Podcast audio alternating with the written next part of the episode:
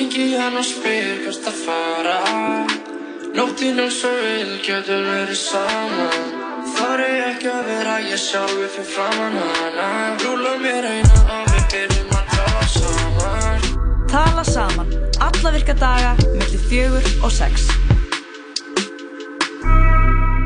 Já, kæri lustandi, sítist átturum tala saman hér á þessum uh, þjóðháttíðar þessu degi Jóhann Kristoffer og Jakob Birgisson með hérna þegar klukkan er á slæginu fjör Jakob, að dag?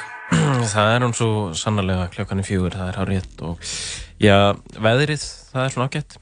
Veðrið er ágætt, maður getur ekki kvartað við því. Það er ekki kallt úti, Nei. það er heldur ekki sjóðandi heitt eins og undarfærið um, þannig að ég er bara svona nokkuð ánæður bara nokkulega þettir Nokkulega þéttir. bara Nokkulega þéttir. sko.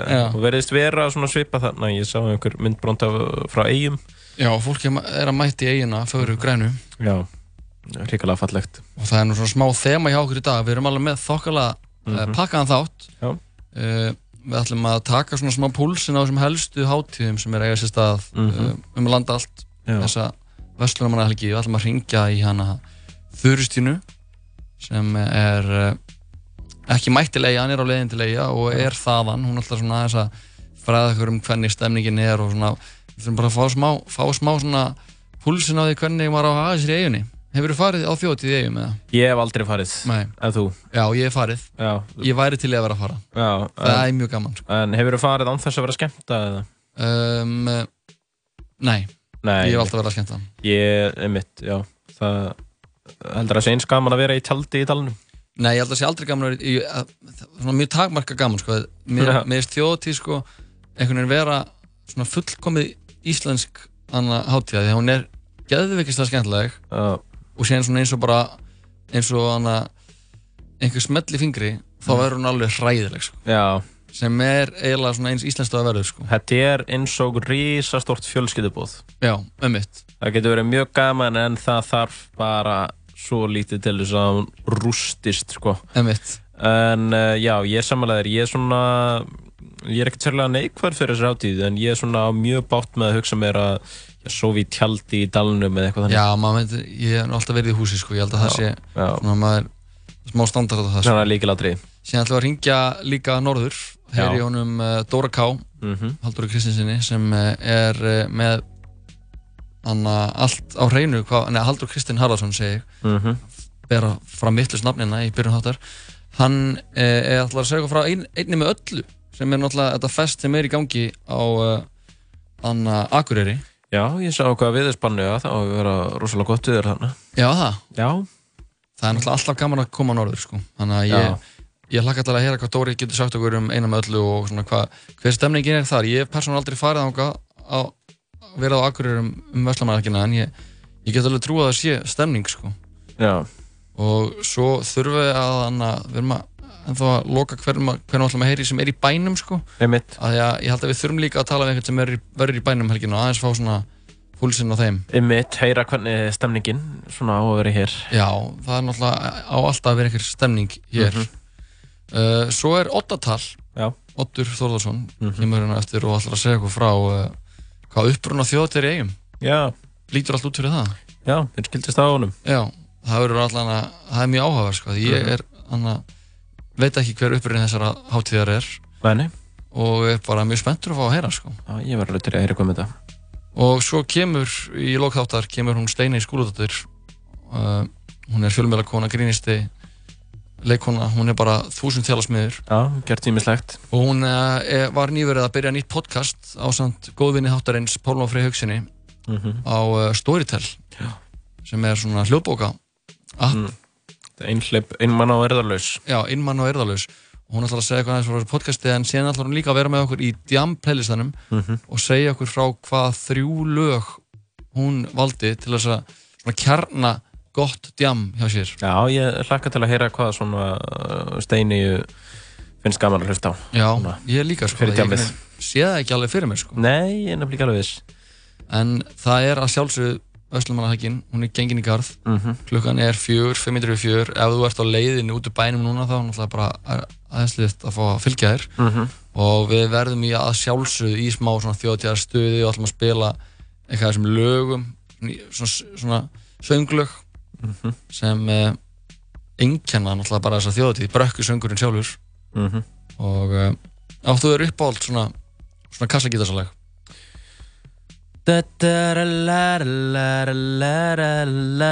lífið er reyndislegt Ég held að sé ekkert að gera nefnum bara eitthvað byrja þáttinn á á þessu lagi sko. ég held það líka. Ef þú heyrir þetta lag Já, og og ferði ekki gott skap mhm. þá er eitthvað svona alvarlegra að sem þú bara þarfst að leita aðstofa við Ég- bara einhverstað annar staðar Ég sko. er bara sammálað því. En þannig að er greinilegt, það er pakk fullu þáttur hér að tala saman næstu tvo klukkutímana. Jóhann Kristófur og Jakob við verum hérna með þér til klukkan 6 í dag. Við að byrja á uh, Grettiskórunum, Magna, Reymi og Bergsveini. Þetta er að sjálfsögðu lífið er indislegt.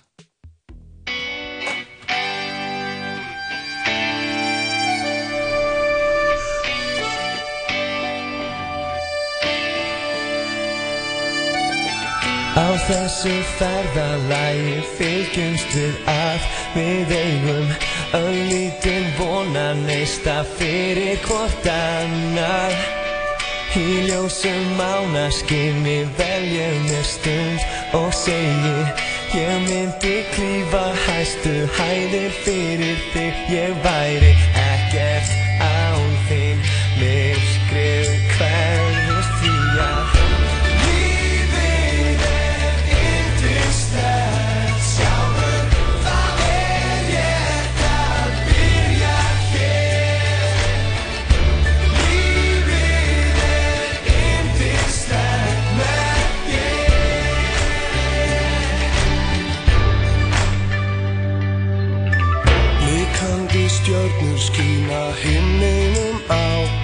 svarar. Ég trúi varla því sem augunum sjá Og segir Ég gef þér hjarta mitt þá skilir þess löst Ég veit að þú mundir klífa hæstu hæðir fyrir mig. Ég væri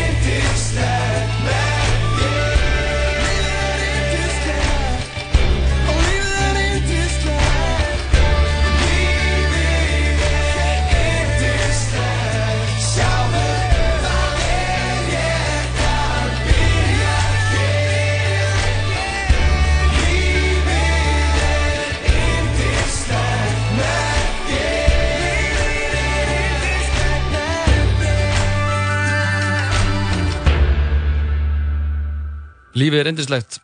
Grettiskórin, Magni, Reymur og Bergsvein. Já, Lífið er indislegt hjá komin.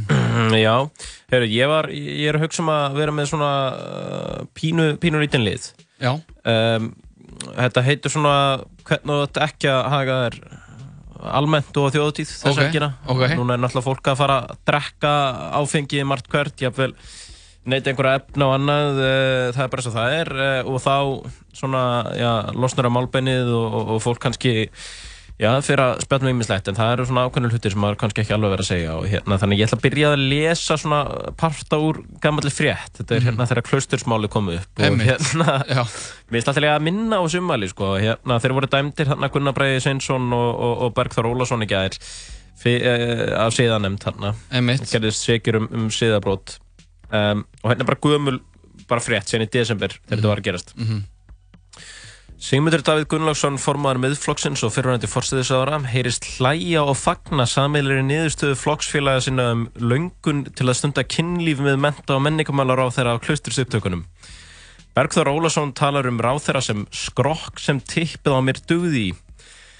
Eins og stundin hefur áður greint frá fóru þingmenni miðflokksins hörðum orðum um Lilju Alfredsdóttur á klaustursbarðana la la la la. Fyrst kvörtuðu þeir undan því að Lilja Alfredsdóttir síndi þeim þremur ekki pólitíska hotlistu og við framöldi rættu þeir um hana á kynferðislegum nótum og dró upp klámfengnar myndir. Mm. Sigmundur Davíð tók virkan þátt umræðinni. Hún notar kynþokkan, segir hann í umræðum Lilju uh, og uh, heldur aðeins áfram og síðan heyrist hérna Beggi, ég ætla að vona að kona mín heyri aldrei af þessu en ég hefði alveg verið til í þetta dæmi, segir hann. En það er alveg rétt hjá þér. Henn er ekki treystandi og hún spilar á karlmenni svo hvern fólk kann. Uh, Eftir að Bergþór og Gunnar Brægi hafa rætt um engan kynþokkar Lilju og kynþokka sem sé 1 og 13 komist þeirra niðurstöðu. Þú getur riðið henni, skilur þú. Bergþór bætir við, þarna loksins uh, kom skrokkur sem tippið mér dugði í. Uh. Þessi gæri eru náttúrulega og viðbjóðslegir Sigmundur Daði hlæri gegnum umræðan á bæti við. Ég er mjög ánaður að heyra að þessu komnir að sameilegri niðurstöðu með þetta.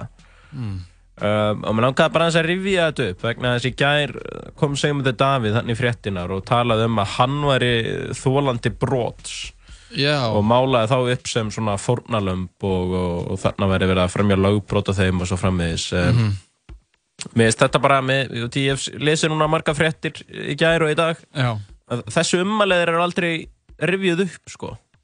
Nei, mitt það er alltaf eins og þau séu bara ekkert lengur uh, gild sko. Nei, við þurfum alveg að minna okkur mjög reglulega á, á þessu umæli sko, af því að þetta er náttúrulega algjörlega fyrir niðan allar hellur Já. Og síðan alltaf voru ummælin mörg mörg fleiri, ég ætla ekki að fara að lesa þetta upp með langaði bara að minna á þetta. Hald ég að vera svona fullorinn Já, Þessi menn eru bara fullornir Við erum ungir menn, Jakob. Já. Þú er hvað, orðin hvað, 20, og- ég er 20 ára. 20 ára gamall. Mm. Ég er sjö, tu- 27 ára gamall. Já.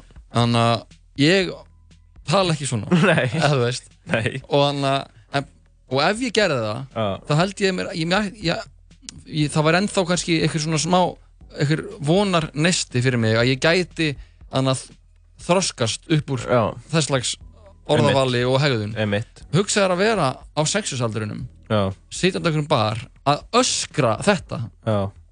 Mér finnst þetta líka kjarni málsinn sko að- hérna, þú veist, síðanemdin og allt gott með það og í gæri voru bara að tala um að þetta var allt ógilt og eitthvað. Mhm. Mér finnst bara kjarni málsins að þeir voru að segja þetta allt Báðust eitthvað svona aðeins afsökunar en Samt núna er þeir sko. eiginlega að draga allt tilbaka bara. Er- Sigmundur tala bara um eiginlega ekkert að vera ramt gerst og er svona einhvern veginn að draga úr þessu öllu og segja að svona eitthvað hafi verið sagt. Já, já, Þú veist, mér finnst það bara, mér finnst það, mér finnst það fréttamenn ættu bara taka reglulega bara að lesa upp þessu umhæli sko. einmitt.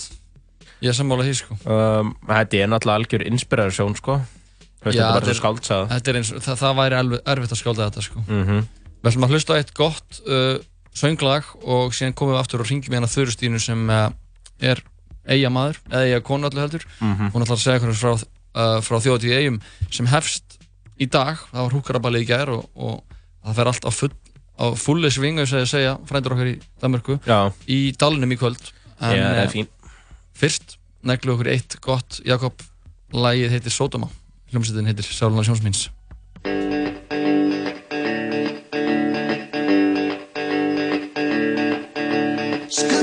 skjóli nætu Skjóta rótum sínum hér. Farði og fjara hamur Allt svo framandi er. Fyrir veit engin á aðeins von eða þrá Svo á morgun er allt liðið hjá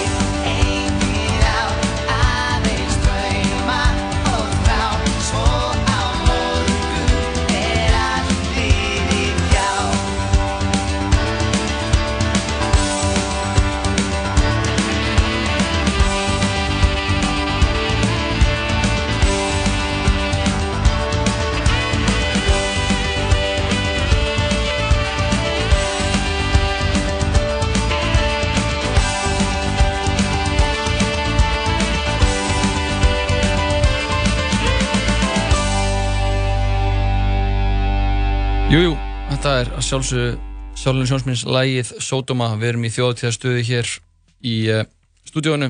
Já, Sýttið sátturum tala saman hér milli 4 og 6, Jóhann Kristófer og Jakob Birgisson. Hefnir að fá að vera hérna með þér, kæri hlustandi. Við ætlum að ringja núna eitt snögt símtal, heyra í uh, henni Þurustínu sem mm. er úr eigum Já, og er að fara út í eiguna vænu grænu, núna bara held ég á morgun já, já. og uh, svona aðeins að taka púlsin á á þessari hátíð Jakob, þú er aldrei farið Nei. ég held að vættum að gera heimildar þátt þar sem þú ferð á þjóðtíð í eigum fyrstskipti og sefur í tjaldi Já, ég held að það væri efni sem var í mjög gaman að horfa á sko. gera þetta næsta ári? já, við gerum þetta næsta ári Ok. Jakob Birgisson í eigunni í tjaldi það er líka svo gaman að fara í hvítutjöldin sko. Já, það er náttúrulega er mikil stemning sko. Já, mér langar að komast í, í hvíti tjöldin, vonandi gerist það áriðinu. Já, við vonum það. En uh, ég er nú að ringja hérna í hérna þöru og uh, símir ringir. Við vonum svari. Þura Stína, Já, sæl og blessuð Jóhann vinnur hérna á línunni. sæl, elsku vinnir. Hvað segir það? Þú ert í þráð beinni hérna Jakob er með mér. Já, sæl. Já, hæ. Það er nú bara gaman að heyri þér, hvernig hefur það? Allt annað. Herri, ég hafa bara gott, ég er hérna stött í landið. Ertu í landið er höfn? Já, Við bara náðum þér ekki á Ég- betri tíma með það maður. Það er bara fullkomið. nei, það er bara allir að býða þér næstir herjulega. Og hvers, Allt í góðu. góðu, góðu geimi. Ekki? Þannig að nýja báturinn er ekkert komin í notkun. Jú, jú, nýja er að koma. Ég er að fara í hann í fyrstskipti. Og þetta er nýji? Já, þetta er glænýtt. Þú ert að fara í nýja dallin í fyrsta skipti. Er það ekki bara frekar spennandi, eða? Jú, ég máli er sko, ég er búin að keira í alla nótt. Ég var semst að spila á höfn í Hotnafyrir í gær. Já, til ok. mjög seint. Ætlaði ekkert yfir í dag. Nei. En hérna, amma mín og afi kynntu semst að festunum þjóðið, sko. Og ég hef málið? mist af, já, það er matabóð og kjötsúpa og svo fyrir við brekkuna saman, öll fjölskyldan og horfum á brennuna. Ég mist af þessi hitti fyrir að hafa spila innibókunum og það er bara eitt erfið sem ég gerst, sko. Úff. Þannig að ég bara kefði í nótt í bæinn, lendi sex í morgun, Já. laðið mig smá Það er ekkert annað. og þurfti að grafa djúft í tengslanetti til að rætta með það einna yfir. Já, vá, hvað ég trúi uppselt á hérna. En þau viti ekki ég er að koma, þetta verður smá surprise. Nefna þau síðan vonuðu sér, þau eru ábyggilega ekki að hlusta. Þetta er náttúrulega að tala saman Það er- allra landsmanna, nei. þannig að það er aldrei að vita svo sem. Sko, setningunni var, ég var að hugsa það, sko, setningunni var að ljúka henni í dag, þannig að það er svona hverfandi líkur að Já, já, já. En núna var, En- þú var eitthvað setningin á hátíðinni. Hvernig fer hún fram? Hún er mjög hátilega og falleg, sko. Það er bara að fara allir í sitt fínasta púss og fara með kökur og bakkelsinni í dal. Svo er, þú veist, lúðrasveitin og kallakvar veismanni og eh, presturinn og bæjasturinn og fullt af svona fínu fólki með ræði, sko. Já. Og Það er bara að sitja allir að drekka kaffi og fara sér köku og Okay, setja þjótið, sko. Þetta já, nákvæmlega, þetta er bara svona, þetta er svona pent bara. Já, já, þetta er mjög fallegt, sko. En ég var, ég var aðeins verið að velta fyrir mér, núna hef ég aldrei farið á þjóðutíð. Uh, hvernig er þetta svona þegar maður er kannski í dalinu og svona, sér maður sjáanlegan mun á, á heimamönnum og aðkomufólki? Er einhver svona, Já, sko, kannski ekki endilega, ég er alltaf að banna vinnum mínum til dæmis að alltaf gert í mörg ár, ekki lengur kannski, en ég mátti ekki fara í svona pollabuxur, svona smekkbuxur, nei, þá kannski ekki setja Mér- en svo sem dotti, dotti úr, úr gildi núna, en hérna, ég veit ekki, ég er náttúrulega upplifið þetta, held ég allt öðru sér heldur en fólk sem að mætir og tjaldar inn í dal og er Já. all in bara þar, sko. Ég er alltaf bara inn í mínu hvita tjaldi og já, þeir eru með er, ég held að sé alveg tvær hliðar á þessu, sko, já. Mitt er mitt. Þú fórst fyrst, hvenær fórstu fyrst á þjóðtíð? Bara 0 ára? Heyrðu, þá, já, þá hef ég verið aftamanna Átta mánuða? Oh my god. í kerru. Í kerru? Amma mín, sko, hún er, hún er uh, 71 árs og hún er búin að fara 72. Hún á ammali 10 vikur fyrir þjóði. Já, Oh my god. hún hefur alltaf Þannig að- verið. Hún er aldrei mist. Vá. Hvenær byrjaði þjóðtíð? Veistu það, eru við með það að reyna? Já, ég held að sé 145 ára ammali í ár. Já, ok, vá. Vá, hvað þetta er gamalt. Já, þetta er, þetta er, þetta er gammalt, sko. Mikilvægur þáttur í svona sögu Íslandinga og þá sérstaklega Vestmanneginga. Já, og sérstaklega myndi ég segja, sko, ekki, sko, það eru mörg sambund til, sko, reikningingar og vestmannegingar á þjóði, sko. Já. Já, og Afi kom til það, Afi er á Vesturbænum, sko, hann kemur hann 65, Já. 18 ára gamall, Mm. hittir ömmu, sko. Svo er bara ekki eftir snúðið, sko. Vá, hvað er Þetta er fallegt. Ég veit margar svona sögur, sko. Já. En, en hvernig er svona en hefðbundi, þjóðtíða dagur svona kannski, já eins og, eins og hjá þér, þú ert nú svona eiga kona sko, hvernig, hvernig byrjar dagurinn og hvernig endar hann, skilur við? Maður vaknar bara og fyrir styrstu og leikur við litlisískinu sína aðeins og, og verður svona smá svona feskur aftur sem maður er búinn að sofa. Já. Svo fer maður bara í humasúpu eða kjötsúpu hjá einhverja fjölskyldumöðlumum. Það er alltaf, alltaf, já, um og afa á föstudeginum, pappi er alltaf með á pallinum á lögadeginum, svo sýstir hans með alltaf á sunnudeginum humasúpu. Já. Þannig að það er alveg brjálega dagskrásni heima á sig, svo fyrir við alltaf saman í dag, sko.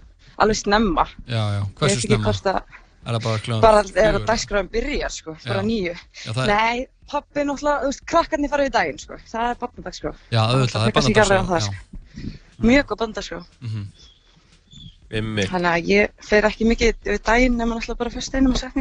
frekar Og Hvað, Þannig að já, er eitthvað eitthvað svona sem þú gerir alltaf? Það náttúrulega er, það er humarsúpa, það er að fara í súpu á fjölskyldunni og, og síðan er náttúrulega hvítu tjöldin. Er, er eitthvað svona fleiri síður sem þú átt? Það voru fleiri sko þegar maður var úlingur, þá var maður aðeins viltari kannski, maður var svo gamall held ég. Já, hvað hva við var fórum það sem þú varst unlingur? Ha, við fórum alltaf að segast að húkaraballinu fórum við alltaf á hérna miðjuna á Hástinsvelli sem Já. er heimaðall rýpið af Já, og pissuðum á, á hérna miðurlínuna Já, og það gerði já. þetta bara allir vestmanningar sko, þetta var eitthvað Er þetta ennþá gert það? þeng sko. Nei, sko, nú er búið að færa hokkaraballi, það er núna all- alltaf niður í bryggju, sko. Já, það var alltaf í gamla tísefnilega, sko. Já. Þetta er orðið svolítið stórt, náttúrulega. Það var ekkert svona rosalega stórt. En hva- hvað finnst þinn um svona almenna vestmanni í gjöfum þetta? Eru einhverjir sem flýja eiguna og reynir bara að leiða út húsið eða eitthvað svoleiðis eða eru bara allir með í þessu? Nei, það eru margir sem fara, sko. Sýsti mín fyrir alltaf til útlanda, hún leiðir alltaf út húsið sitt. Já. Og annars reyndir ekki margir aðri í minni fjölskyldu sem gera það. Við erum búið að heima kæra þjóðatíð. Já. En það eru margir sem fara, sko. Og, og, og líka pröfa eitthvað annað, kannski fara í eitt ár út og koma aftur. Þetta er náttúrulega alveg smá pakki, held ég. Það er alveg dýrt að fara þjóðatíð, sko. Já. Þannig að margir setja það kannski saman við að maður geta alveg farið Hvað sér ég? Fá vestmanniðingar engan afslátt?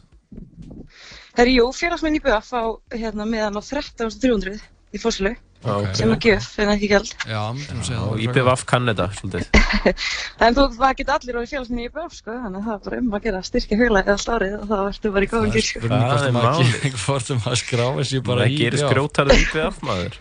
Já, við erum skítfallin maður, einn kassu og hillar, þetta er alltaf niðurlega.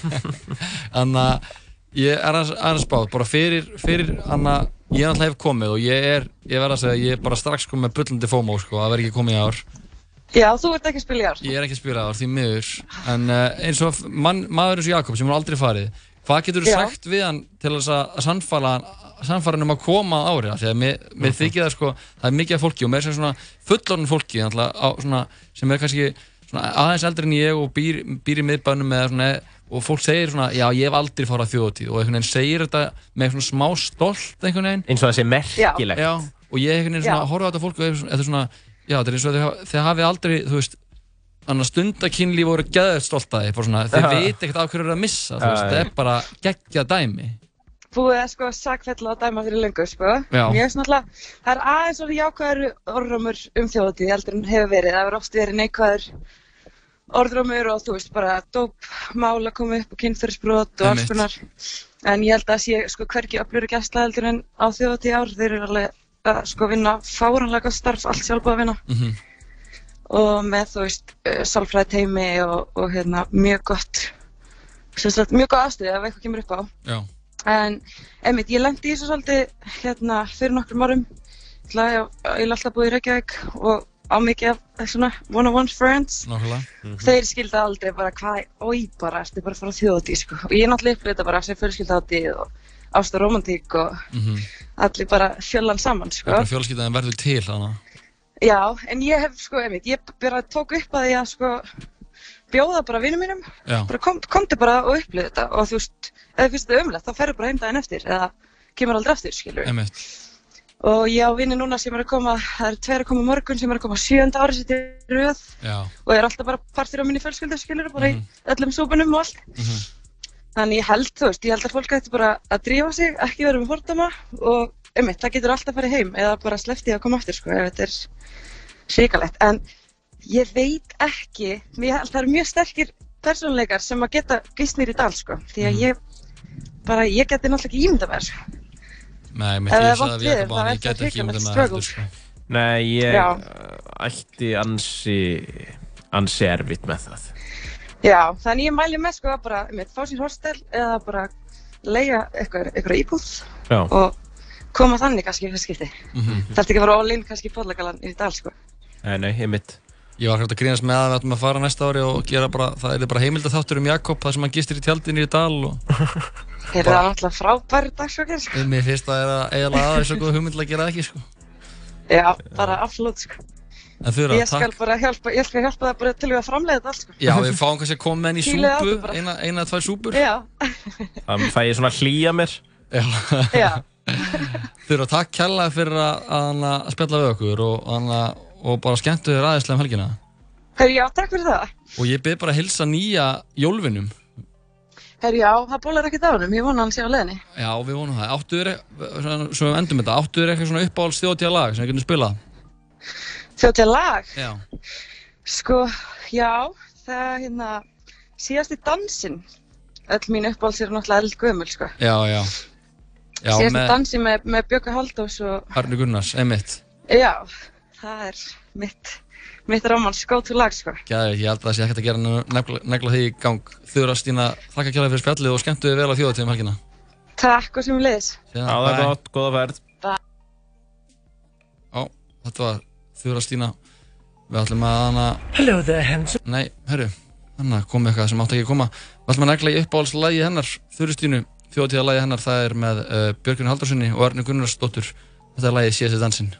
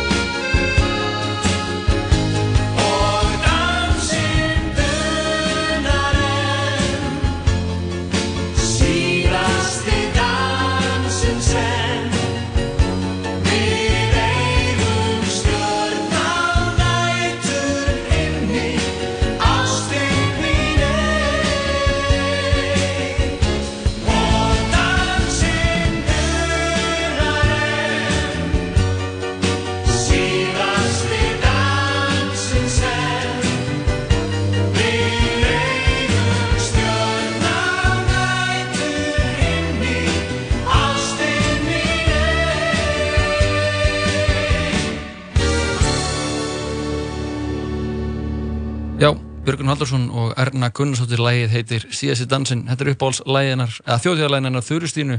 Hún er eiga sem vorum að tala við, fá aðeins svona púlsinn á hvernig það er að vera í eigunik fögru grænu á Vestlumanarkina.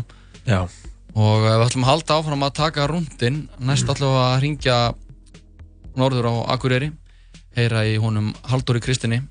Eða Dóra K. eins og hann er kallaður, af þeim sem þekkja til. Hann er að sjá um uh, eina með öllu Já. sem er núna festið sem er haldið á Akureyri alltaf hvert ár, allar þessar vestlunumannahelgar Já. og uh, fá svona aðeins að heyra hvernig er fyrir norðan Já, á þjóðatíð. heyri honum hljóðið. Já, að Vestlumannakinu. Ég gleymi alltaf að það er þjóðatíð, það er bara, Það er í eigum. það er í eigum. Dóri, ertu á línunni? Ég er á línni. Blessaður, Jóhann hérna með þér og Jakob Birgisson í tala saman. Hvað er það? hefur það í dag? Þetta er alveg teimi. Ég er bara ótrúlega góður. Það ekki? Jú. Hvernig er stemningin fyrir norðan? Herðu, hún er bara öll að myndast. Það ekki? Ha, jú, það er sól úti og það er spáð rosalega góð verið fyrir norðan. Ég er hérna núna fyrir utan stóra sviði á torginu að setja upp, setja upp tónleika kvöldsins Ok. og það eru söluvagnir út um allt og, og, og nóga fólki, þannig að ég bara gæti ekki verið gladur held ég sko. Gekkja maður. Eru, eru, Mm. fleiri, eru fleiri í bænum en vanulega? Sko, ég heldur síðan bara að þetta er svipað stemmingu eins og í fyrra. Það eru í fyrra voru öll tjálsvæði, tjálsvæði full bókuð og, og, og nóga lið í bænum. Mhm. En þetta er alltaf erfitt að segja, segja hvað eru margir hérna því að það er frítt á hátíðin og svona. Já, Þannig að við getum, við getum ekki talið miða en eitt. Nei, nei, nei. En það er allavega, það er reytingur af fólki að þetta hérna. Maður byrður ekki meira. Nei, Nei, það gerir það nú alla. Getur þú sagt okkur aðeins frá Anna, þessari við erum Sko. ekki sérstaklega fróðir menn, ég og Jakob. Nei, nei. Nei, uh, þarna, þetta er náttúrulega bara ein með öllu íslensku sömuleikarnir. Já, Ein með öllu kannski svona, þetta er, þetta er kannski svona aðeins meir í fjölskylda hátíð. einmitt. Og, en þú veist, það er alltaf jam á kvöldin og þrýr, þrýr risa tónleikar, föðslaug og sunn. Einmitt. Og þarna, já, við erum í rauninni bara að reyna að halda góða og, og, og skemmtilega hátíð fyrir, fyrir landan. Uh, íslensku sumarleikarnir er rauninni, rauninni bara, þú veist, íþróttaparturinn af þessu. Já. Þú veist, það er, það er súlnaflaup og, og það er, það er reyðhjólakefni, það er réttstöðliftumótin á torginu og, og það er heill hellingur og svona dóti. Já. Já, ok, þetta er bara íþróttamót líka bara. Já, þetta er rauninni bara íþróttamóti sko, Já. líka. Það er Icelandic Summer Games. Þannig að það Þannig að er, já, þetta er bara svona, hvað segir ég? er margt aðkomu fólk, sem sagt. Já, það er alveg, er alveg slattið aðkomum fólki. Já. Mikið, mikið, mikið af fólki náttúrulega, svo er túrismin líka rosalega margur hérna. Mm. Þannig að jú, það er alveg fólk frá öllum, öllum bæjar hodnum hérna. en hvað með svona hinn almenna akureyring? Er hann, uh, heldur hann sig á akureyri eða er hann að ferðast eitthvað? Veistu það? Já, þetta er náttúrulega bara, þetta er tvískipt sko. Þannig að annarkvort er hann hér, nokkri farið til eiga og jú, fólk, fólk náttúrulega ferðast og ferðast allir á sumrin. Einmitt. En það er nóg að tryggum akkurum sem að standa, standa baki, baki okkur sko. Mm Nú, ég skal trúa því. Og hver er að spila á öllu núna um helgina? Það eru, það er nóg að liði, það er Greta Salome, það er Svala Björgvins, það er Frikki Dór, Herran Hittismjör, Klöpt Upp, Flóni, uh, Ómotrak, uh, Stefán Eli, Antolíni, KK. Það er bara heill hellingur lið. Það er bara stórskota lið. Já, þannig að þetta er bara svona góð blanda af norrlendingum og, og, og stórstjörnum. Mhm. Mm. Þú hefur verið, á, hefur verið fyrir norðan allar þínar vestlumina helgar? Uh, nei, ekki allar. Ég en samt núna, senstu tvö ár, þá er náttúrulega, er ég að stýra hátíðinni, þannig að ég þarf að vera hér. Einmitt. En ég hef alveg- prófað að fara til Eyja og eitthvað fleira. Já. En hugurinn leitar heim? Hvað segirðu? En hugurinn leitar heim?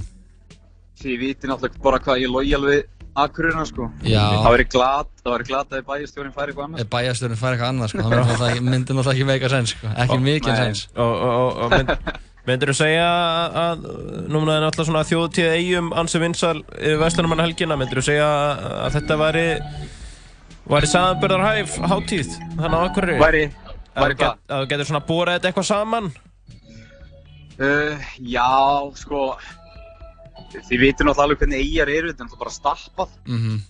Hérna er kannski svona meiri reytingur út um allt. já, Við erum með svo mikið af viðbörum út í allt, þú veist, kjarnaskói og svo náttúrulega, þú veist, bara upp á súlum og svo náttúrulega hérna í miðbænum og gleratorki og þetta er kannski aðeins dreif, dreif, dreifðara heldur en, þú veist, Eyjar, það er bara dalurinn. Já, já, það sem meiri svona bæjarháttíð. Já, þetta er svona meiri bæjarhóttíð og, og, og kannski ekki alveg jafn mikið, hvað að segja, sukk. Nei, nei, nei, einmitt. svona, En, en fólk skemmti sig um það dag, dag og nótt. Já, Mm. það er frábært það hljóma vel. Já, eða ekki? Jú, heldur betur, Stóri. Þakka að kjallaði fyrir að, spjalla við okkur. Bara takk fyrir að taka bandi. Og við anna bara óskum ykkur góðs gengis fyrir norðan og, og sendum okkar kveðjur hérna bara úr 101. algjörlega Já, gangi ykkur vel líka. Takk að kjallaði fyrir það. Áttu þér eitthvað svona uppáhalds þjóðtíða lag sem við getum enda spjallið á? Uh, þú maður bara spila eitthvað lag með mér? Nei, nei, ég veit það ekki. Ég, jú, ég spilaði, nei, ég veit það ekki. Ég veit ekki. Þjóðóttilag, má ég eitthvað vera, má ég eitthvað vera að plugga þjóðótti meðan ég er að stjórna þessu? Nei, ég, ég, ég segi alltaf bara þjóðtíðala því að því að það er með eitthvað svona svo þú fílar á, fílar á Akureyri yfir Vestlandmælgina eitthvað svona ein með öllu Já, uh, æ, ég, ég, ég, sko, ég er frosin núna. Ég, við spilum bara K&K, það er náttúrulega bara ekkert Spilaði annað. bara mig, þá er ég ánæður. Við spilum bara þorpið mitt með K&K. Það er,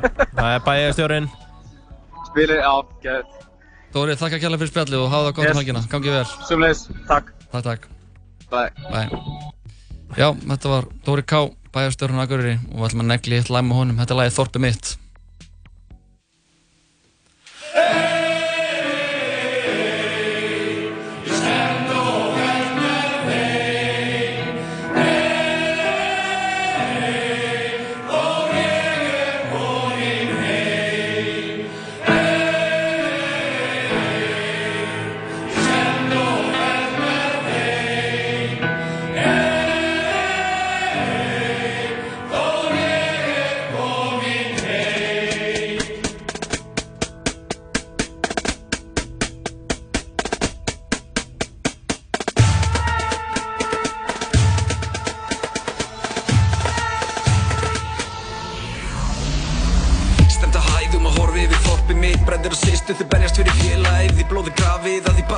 Ekki Heldur hjartað að ég státtu þossari 6-0 þrýstu blar á kassa minn. DFK frá pöllum mér stöskandi Rautt og hvít blóðstri minn úr gleróni Fættist inn í klubin og þú ég fer ekki. Gengur gönguna þannig var ég alinu. Uppi blóð og öskur mér rými upp á grasinu. Gulli fer upp að bynda bysja rakettur. Máli bæri rauðan harka trú og dugnaður Sé blóðdrópa rennur þau líka mann. Meðan þetta fyrir þoppið þá er skýtsama Verð nöyður þangu til í þeir Ég verð nöyður þangu til í þeir Ég fættist inn í klubbi svo ég deyð fyrir hann rauð og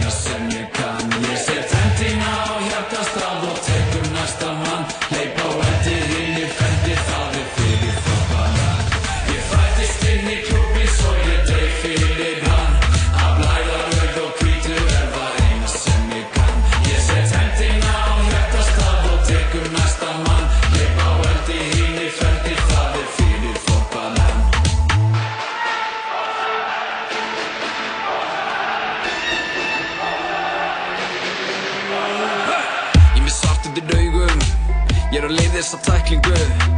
Ferð ekki fram hjá mér, nei. Ég tek þið fast að takinu. Drep fyrir þessa rauðu. Taldi bæri æðunum. Og við förum ekki að taugum. Þó allt sé í háspennu Þú get opni og verði alveg handla mann Þá gerir allt fyrir ykkur ösku þorparar. Við bara meitt ekki að þetta berjast nei. Allir fyrir eitt saman skulu verjast nei. Þetta er fjölskylda mín alveg þar til í deg Grafið mig í þorpinu þá er ég komin heim. Verð nöyður þangu til í deg Ég verð nöyður þangu til í deg Ég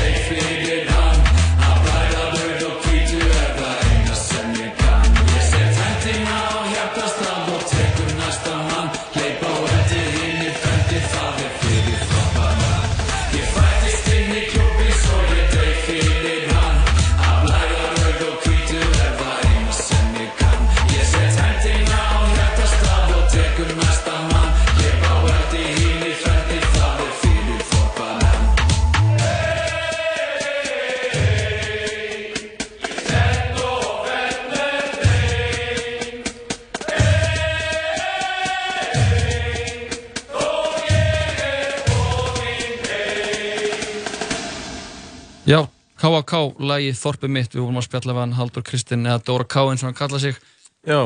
Borgarstjórin, bæjarstjórin á Akureyri hann Já. eh, er að sjá um eina með öllu sem er haldið núna um Varslanarmannhelgina á Akureyri og aðeins að gefa okkur svona púlsin að því hvernig það er að vera fyrir norðan Já.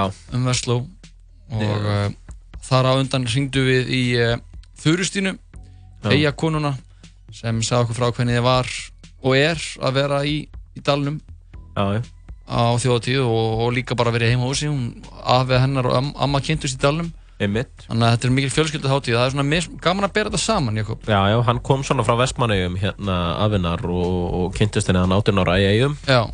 Ég held að þið búið bara þarna saman núna og Jú. Hann er bara neyja maður. Hann er bara neyja maður. Næst ætlum við að ringja í eh, í vinn okkar. Hann er ekki með ég get ekki sagt að hann standi fyrir nefni svona skemmtun í Reykjavík Nei, við ætlum að tala við eina af þessum svona mönnum sem aldrei hefur farið á þjóðutíð og er í, já, henni, henni borg, Já, Reykjavík. henni, henni sætu henni sætu góð okkar Henni sætustu minni, miðborginni. Ísak Hinlöksson, ertu hér? Já, það er hann sjálfur. Blessaður Jóhann hérna, þú ert í þráðbennið með okkur Jakobi á sítið þetta um að tala saman Já, sæl, sæl, sæl. Hvernig hefur það í dag? Jú, það er bara ágætt. Ég er hérna að keira með bróðum mínum og, og föðum mínum. Við erum með, það með orðaði hvað veri, það er fámenntum í Reykjavík. Já, er fámennt í bara Keirt, keirt, já, maður getur keirt yfir, yfir á rauðu ljósi og sem pappi er að gera akkurát núna. En maður spyr sig í sak sko, þú segir fámennt, en er góðmennt? Hvernig það, hefur góða fólkið farið úr borginni eða er það hér í borginni? Já, sko, það er ákveðin tvískinningur í gangi af því að það er einhvern veginn bæði vonda fólkið og góða fólkið sem er að hverfa úr borginni. Já. Það- Og það hefur bara sínt sig undanfarið, sko. Maður, maður sér líka á alnetinu að góða fólkið er að, að færast yfir á þjóðutíðina. Já, já. Þjóðutíðin er að stækka, svona góða fólkið er að fara. Já, það virðist vera að góða fólkið sé að sækja, sækja hart að, að þjóðutíð. Hvað telur vera svona ástæðin fyrir þessu Ísak? Að þú getur verið svona smá greinandi fyrir okkur Já, við erum náttúrulega bara málið með Íslendinga er fljótar að gleyma, sko.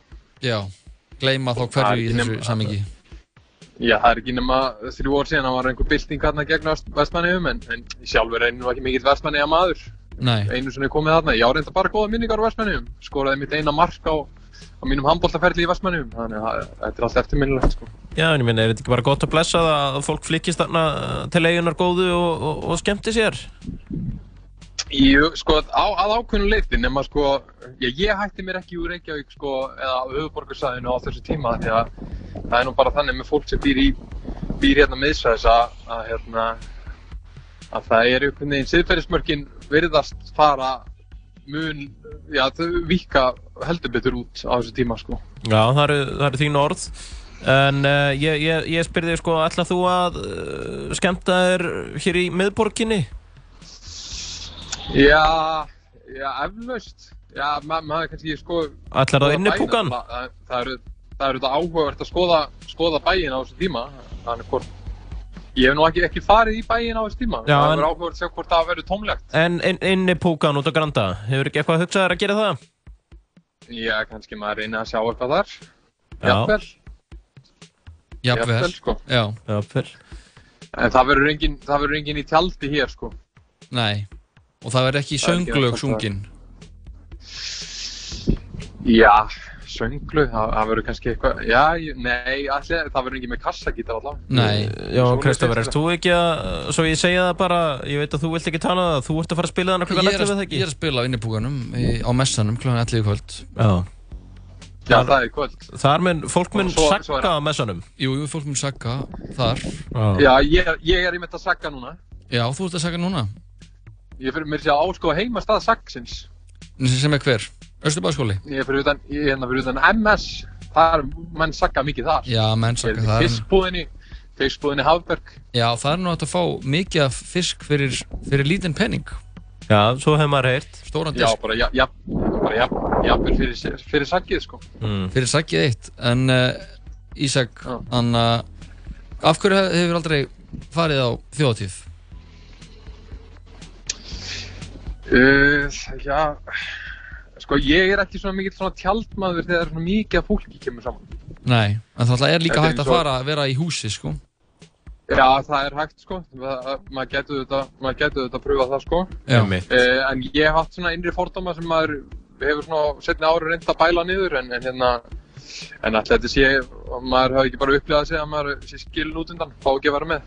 Já, þetta, Ég- þetta er ég- bara, í ég grunni mynd- kannski bara það Já, þetta er einhver, Ég hef innri, reyndar- þetta er einhver svona innri, innri baróta, sko. Ég hef kannski sömu sömu sögu að segja, ég hef átt vini sem hafa farið en aldrei búið mér með, sko Það er svona, Nei, það eru óalega mikið að tala um þetta og bjóður um, uh, bjóða mér ekki, sko Þetta er auðvitað mikil bara minni mátu kent.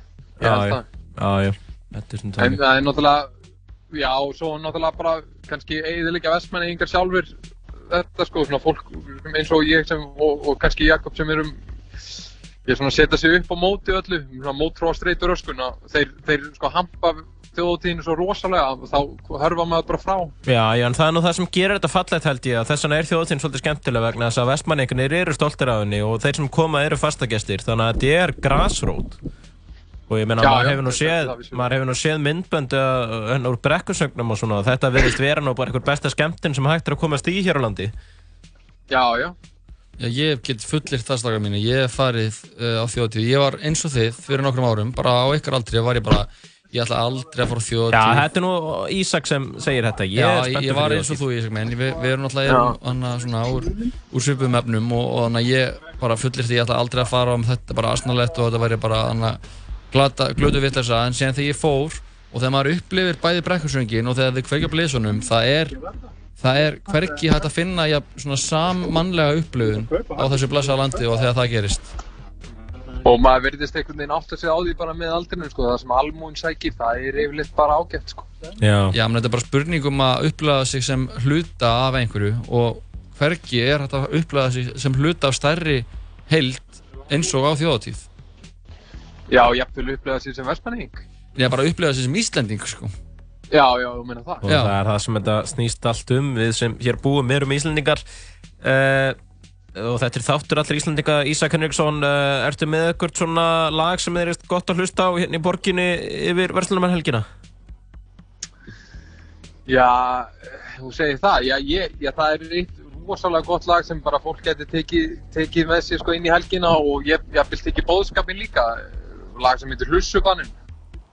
Lussubaninn. Já, með stuðmönnunum. Já. Já, þá skulum við negla því í gang. Ísak Hinriksson, þakka kjærlega fyrir spjallið og skemmtu vel í, í, í víkinni um helgina og ég bara segi, aktu hægt eða hratt eða hversu, bara hvernig sem við viltum um gleðan þetta er, það er enginn til að stoppa þig. Það er allir farnir úr bænum. Já, sem er leiðstengi mínir og áfram sakið. Áframsækið, þakka fyrir það. Blessaður. Blessaður. Já, þetta var Ísak Hinriksson. Hann verður í bænum um helgina. Hann er með óskarlag sem hann vill að við hlustum á og tökum jafnvel með okkur inn í helgina. Þetta eru stuðmenn, lagið hittir Hlussubaninn.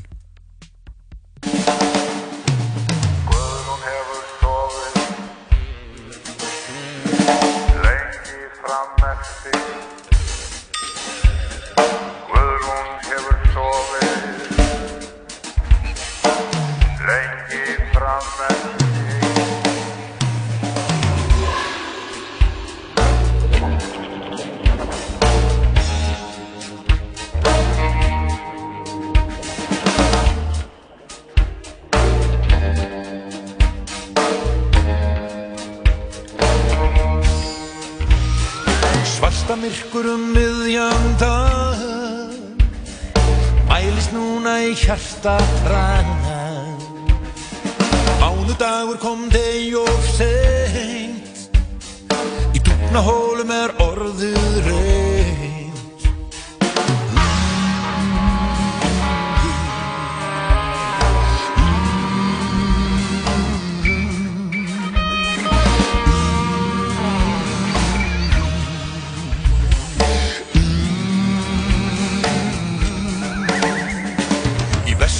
vesturgötu er vetrar hrí En í vonastræti er tíðin blí Skugga hverfi er skálmöld slí Að nú skelfur gamla Reykjavík. Lussubaninn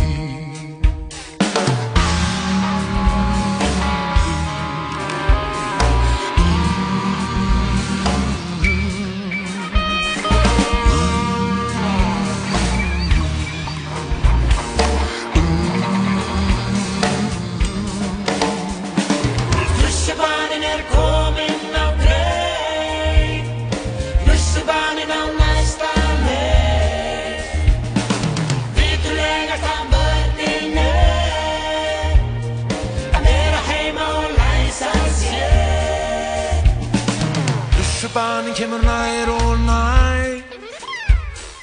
Lussubanin er orðin æ. Lussubanin er að brjótast inn Bráðum heyrir hann hjartslátt sinn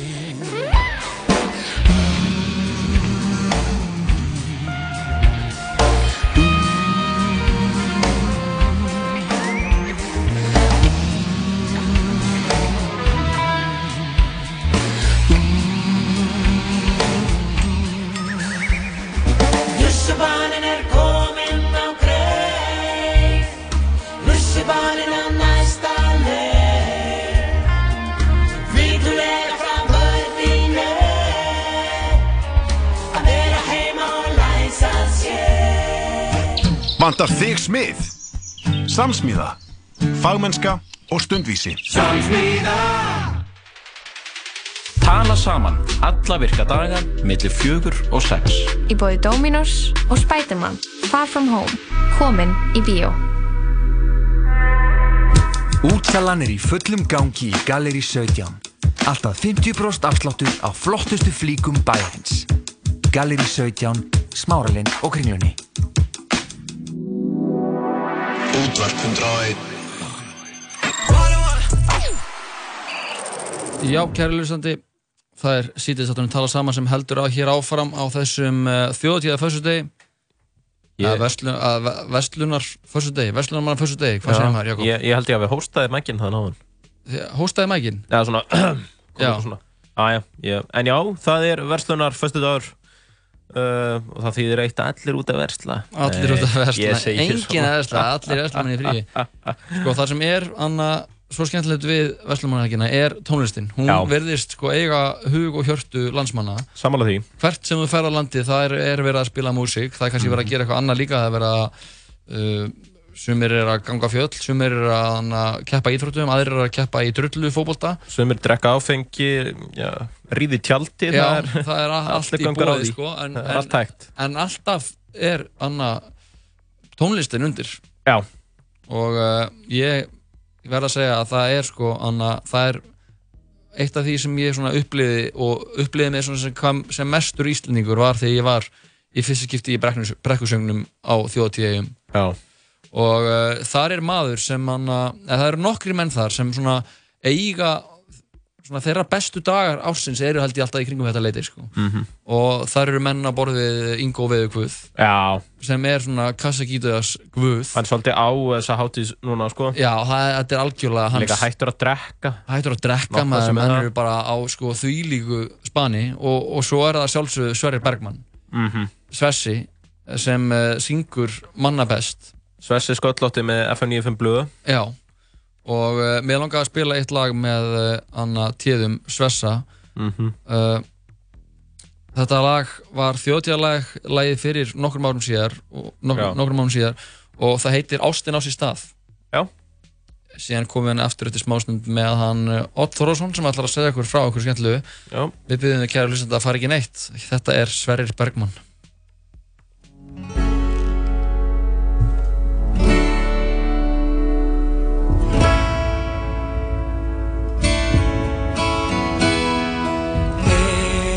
sérstakt á sér stað. Eldar lýsa ský Ég man Saman göngum þennan stíg Aftur enn á ný. Ég man Ég klappa lófunum Ég stappa fótunum Ég fagna því að vera klappa lófunum,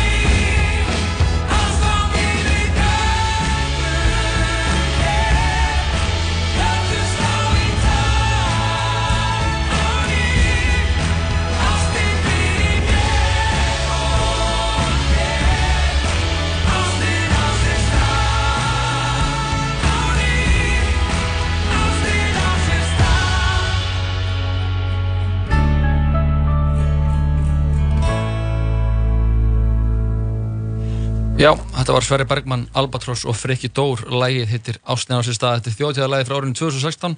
Það er svona vestlunamanna stemning í okkur strákurinn minn í dag, Jóhann Kristófer og Jakob Birgesson með þér í sítið. Sátturum tala saman millir 4 og 6. Og við erum komið með góðan gest til okkar, Ottur Þórðarsson. Vertu hjartanlega velkomin, Ottur. Takk hjá fyrir strákar. Hvernig hefur það í dag? Ertu með FOMO? Uh, nei, alls ekki. Nei, þið langar ekki að vera í eiginni, föru? Nei. Hver er þín svona verslanumanna helga saga? Hvað hefur verið að gera þessa helgi? Uh, sem, Yfirleitt. sem barn alltaf því að ég er úr útkörfi þá var ég bara í fellísinu með, með hérna mömmu pappa sko. Já, ok. Bara að ferða Já, sem landi? bara eða? útilegur skilur. Já, já, Eða bústæður eða eitthvað skilur. Nákvæmlega. Nún, ég man ekki hvað, hvað var ég að gera í fyrra? Ég veit ekki. Ég vil bara vera heima. Já, já. Vinna eða eitthvað. Einmitt. En þú ert komið til okkur til að tala aðeins um uppruna Já. þjóðatíðar. Svona, já, ég ætla aðeins eitthvað frá því sko. Já, og alltaf þetta umtalaða ottatal sem, uh, Já, sem að nú fyrir hönd. sem er nú fyrir hönd. Það, það er svolítið þannig. Já. Ég hérna, já, mér langaði bara svona aðeins að tala um þjóðatíð, skiljanlega. Skiljanlega, þetta er náttúrulega bara Um, okkar þjóðháttíð. Nákvæmlega, og líka það, þetta er náttúrulega vestlunarhelgin, ég er vestlunarmæður. Þú ert verslunarmaður? Ég er barþjótt. Einmitt, það gleymist. Er það ekki að vera vestlun? Um, er- ég held að þessu, það er þjónustu starf. Já, ok, þannig að þetta kannski Er Já, ég er náttúrulega ekki meira vestlunarmæður en það, ég er að vinna á mándaginn, sko, þannig að, Já, svona- þannig að já, við uh, sjáum hvernig það fer. Um, en já, þjóðháttíð uh, byrjar eins og kannski allir vita, Mm. uh, 1874. Ég held að ártali standa alltaf á sviðinu Já, já, já. í, í eigum, Já. 1874 og þá núna 2019 líka. Já. Já, Byrjaði þá sko, þetta var sem sagt hérna uh, hérna hátíð uh, þar sem að vera, var verið að fagna þúsund ára Íslandsbyggð árið Mm. mm. 1874 Já, þá var búin að vera, búin að vera byggð á Íslandi í, í þúsund ár Einmitt. og þessu var fagna 1874 og, og hérna danski konungurinn Kristján níundi held ég Mhm. kom og heimsóti Ísland fyrsta skipti held ég sem að hann gerði það allavega Já. og ég vil bara dana konungur sko, Já, yfir, yfir höfuð sko. já, einmitt Það ekki. og við fengum nýja, eða nýja, við fengum bara í fyrsta skipti stjórnarskrá þetta ár og hann var sett að koma og, og gefa okkur stjórnarskrá og, og hérna svo vera að fagna því um leið að við varum búin að vera að búa hérna í, þúsund ár Já. Vá, Og- þetta, er, og- þetta er epíst tilefni. Þetta er epíst tilumni sko og það er nú svo sem alveg margir sem vita þetta Nei, ég hafði ekki hugmynd um Nei, nei, nei, nei, alls ekki sko en þú veist, margir sem að vita það sko að hérna þjóðatíð eigum sprettur á því Já, já, já. að það var alltaf bara hátíður höld bæði í Reykjavík og, og Þingvöllum Mhm. en það var svo vond við að eigamenn komast ekki. Einmitt. þannig að þeir heldur svona eigin þjóðatíð Já. og það er það sem að þjóðatíð eigin sprettur hérna af sko. Já, já, einmitt. En, en uh, þjóðtíð okkar, er, við, eru, við, eru við annað? Já, sko, svo verður þetta af því að, að hérna, þetta verður það af svona eiginlega frítegi vestlunum hana, Mhm. svona sjálfskeipu. Þeir bara voru alltaf með gott partí bara hérna byrjun ágúst. Mhm. Og þetta varði vilt bara fast annan ágúst alltaf, Já. sem er í dag. Já, einmitt. Og hérna, og svona upp úr 1890 og svona þá fóru vestlunum hana alltaf og, og hérna, tóku sér frí þennan dag og, og voru með eitthvað húlum hæg, sko. Mhm. Og svo svona upp úr, upp úr 20. stöldinni, Mhm. eftir aldamót, að Mhm. þá hérna fóru bindindismenn voru mikið að hérna halda hátíði líka sko Bindindismenn? Já, bara menn sem er drekki ekki Einmitt Mótið áfengi Menn eins og ég Já, menn eins og þú Já. Og hérna og þannig að þeir fóru að halda hátíði líka og þeim Þessu sömu helgi þá? Já, og þeim mislíkaði sko þeir hérna komust til valda í einhver svona skipulags nefnd sem að skipulaði hátíðahöld hérna í Reykjavík Mhm. og á Þingvöllum Mhm. og bönnuði áfengi á Já. þessum hátíðum Já. og það sem að drikkveldir venjulegir íslendingar Mhm. gerðu þá Mhm. Þeir fóru held ég í einhverja fræga bátsferð skipilega einhverja bátsferð þetta var 1930 hvað held ég Mhm. og hérna og þarna um þetta leiti þá var sér frídagur vestlunumanna orðið bara algjört þeng sko. og hérna vestlunumann bara allir um allan tók sér alltaf frí Mhm. en þeir skipilega þessa bátsferð þar sem þeir drukku sem bara fulla Mhm. hérna fyrir utan Reykjavíkur höfni eða eitthvað á einhverjum báti og þá fór þetta að þróast út í meira svona djam sko. Já, já. Og var það grimt þánga til ára svona 1950 þegar þetta var eiginlega bara svona almennur frídagur sko. Mhm. þá fóru bara allir að taka sér frí Já. á frídagi Já. eins og er í dag Mhm. og þá fóru svona útíhátíðar að spretta upp og árið 1960 og eitthvað þá hérna, hvort það var 67 þá voru held ég 36 útíhátíðar haldnar, Vá. sem er svona svipað er núna skilur Já, eru svona margar núna, eða? Já, já, þú veist, endar þessu svona bæjarhátíðar já, og svona einmitt. li- litlar dagskrár Núna er þetta gerðir um allt land sko Núna er þetta svolítið þannig að það eru allir í fríi nema verslanamenn Já, eiginlega þannig að það er einhverjir úlingar í bónus sem að þurfa samt að vinna á frítíða vellunumann sko. Mhm. þannig að þetta er að koma vann hringin alltaf- sko. Ég vann alltaf í meilabúðinu á, á mánudeginu Mhm. Já, þannig að þetta er svolítið snúast upp í andgöru sinna sko. Mhm. Allir er frí nema vellunumann sko. En ímynda er drikkju síkina Fólk gæti ekki verið hér Það þurfti Nei, að þetta Þetta var Sigla. líka á þeim tíma sko, þetta svona 1930 eitthvað, það sem að bindindismenn voru svolítið svona sterk hreyfing fólks Já.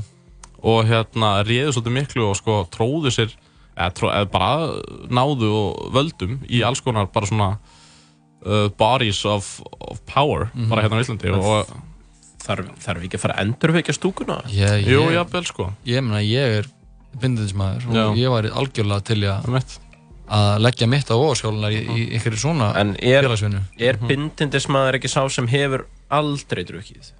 um, Ég finnst það frekar unfair sko. Ég hef aldrei drukkið. Þú hefur aldrei drukkið? Nei, Nei, ok. En ég hef alveg fikið mér sopa þú veist, smakka bjór, eins og, bara, eins, og, eins og börn gera bara. Já, akkurat. Nei, aldrei nei. hef ég fundið fyrir áhrifum áfengis. Ég var að tjekka hana málið, það var bara að sá að svo sem neytir ekki áfengis. Mér held stundum eins og bindindismæður væri eitthvað svona bara sá sem hefur aldrei drukkið, skilur En það er bara bull, það er bara sá sem neytir ekki áfengis. Mhm. um, Þannig að já, það væri svolítið Það gæti alveg verið stemning, sko. Mhm.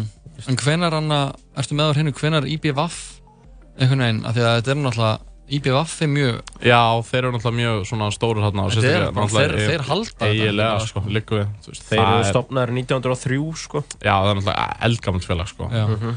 Mér líður eins og það sé eitthvað svona, það er bara, þú veist, gut feeling, sko. Það sé eitthvað svona 70s dæmi, sko. Já, já. 70s, 80s, eitthvað fólk í litrugum vindgöllum Já, já, einmitt. Eitthvað tína dósir eftir þjóti, sko. Já, einmitt og, já, og fá alveg þvílít skilagjald Að Er hærra skilagjald í eigum heldur en í Reykjavík, eða? Myndið þið það? Ég veit það ekki Það væri alveg, ég, það kemur ekki óvart að það væri alveg bara, eh, kannski svona tveimu krónum Já, akkurat meira á það er dósina, sko Það sem að fokkin skila sér eftir þjóti, sko Já. Það er ekki, tæmlega 20.000 manns þarna eða eitthvað Jú, og síðan er líka bara, vorum að ræða hana Þurustína án, hún er náttúrulega Mm. mm. eru eigum, sko, Já. afi hennar og am, amma kynntust á þjóðatíð Já, vá, ok og þannig að og við vorum að ræða við hana sko um, uh, um fólk sem fer úr eigunni á, á þjóðtíð Já. He, heimamenn sem Já, flýja, já, flýja eiguna akkurat, sko, já, og leigja út íbúðina sínar Einmitt. Eru það ekki bara mjög margir? eða? hún sagði að það var alveg tölvöld margir sem gera þetta sko. Já, já Og svona prófa eitthvað, prófa að fara þaðan og svona Já. Mhm.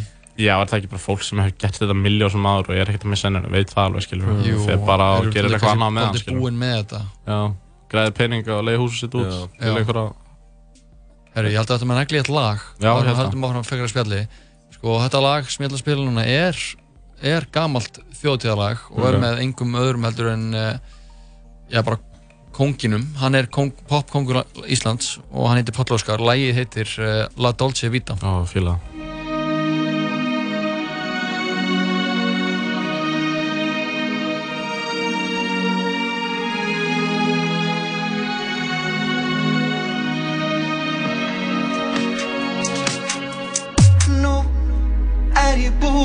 að gera mig sætan. Sjóðitur ég verð að mæta og upplifa La Dolce Vita.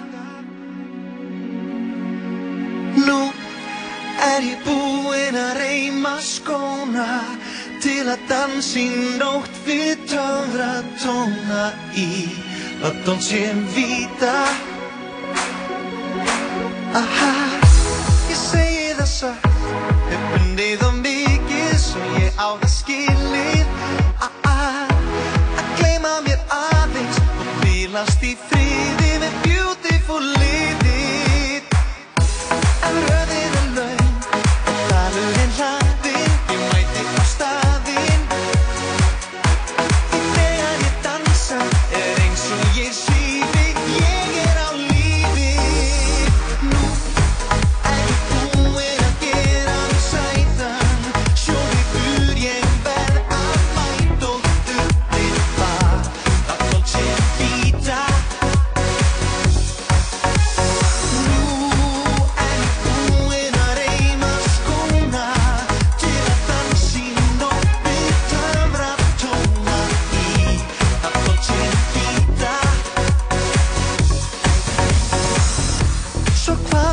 sjá. Hvað viltu heim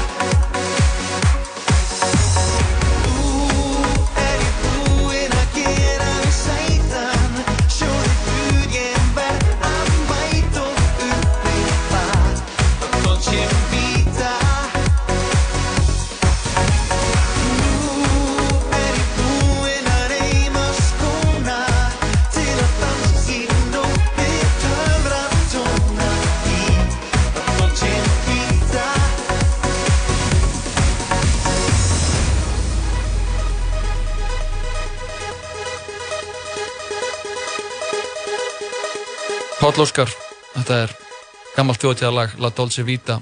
Þú ert að hlusta á sítaði sáttin tala saman það klukkuna vantar 14 mínútur yfir 5 Jóhann Kristófur og Jakob Birgisson með hérna frá 4 til 6 á þessum þjóðtíða fössudegi og við erum með engan annan en uh, Oddin sjálfan, Odd Þorðarsson í stúdíónum Já, ég er hér. Þú ert hér og við erum að fara yfir þú erum að segja frá sko, hana, tilurðum þjóðtíðar í Já.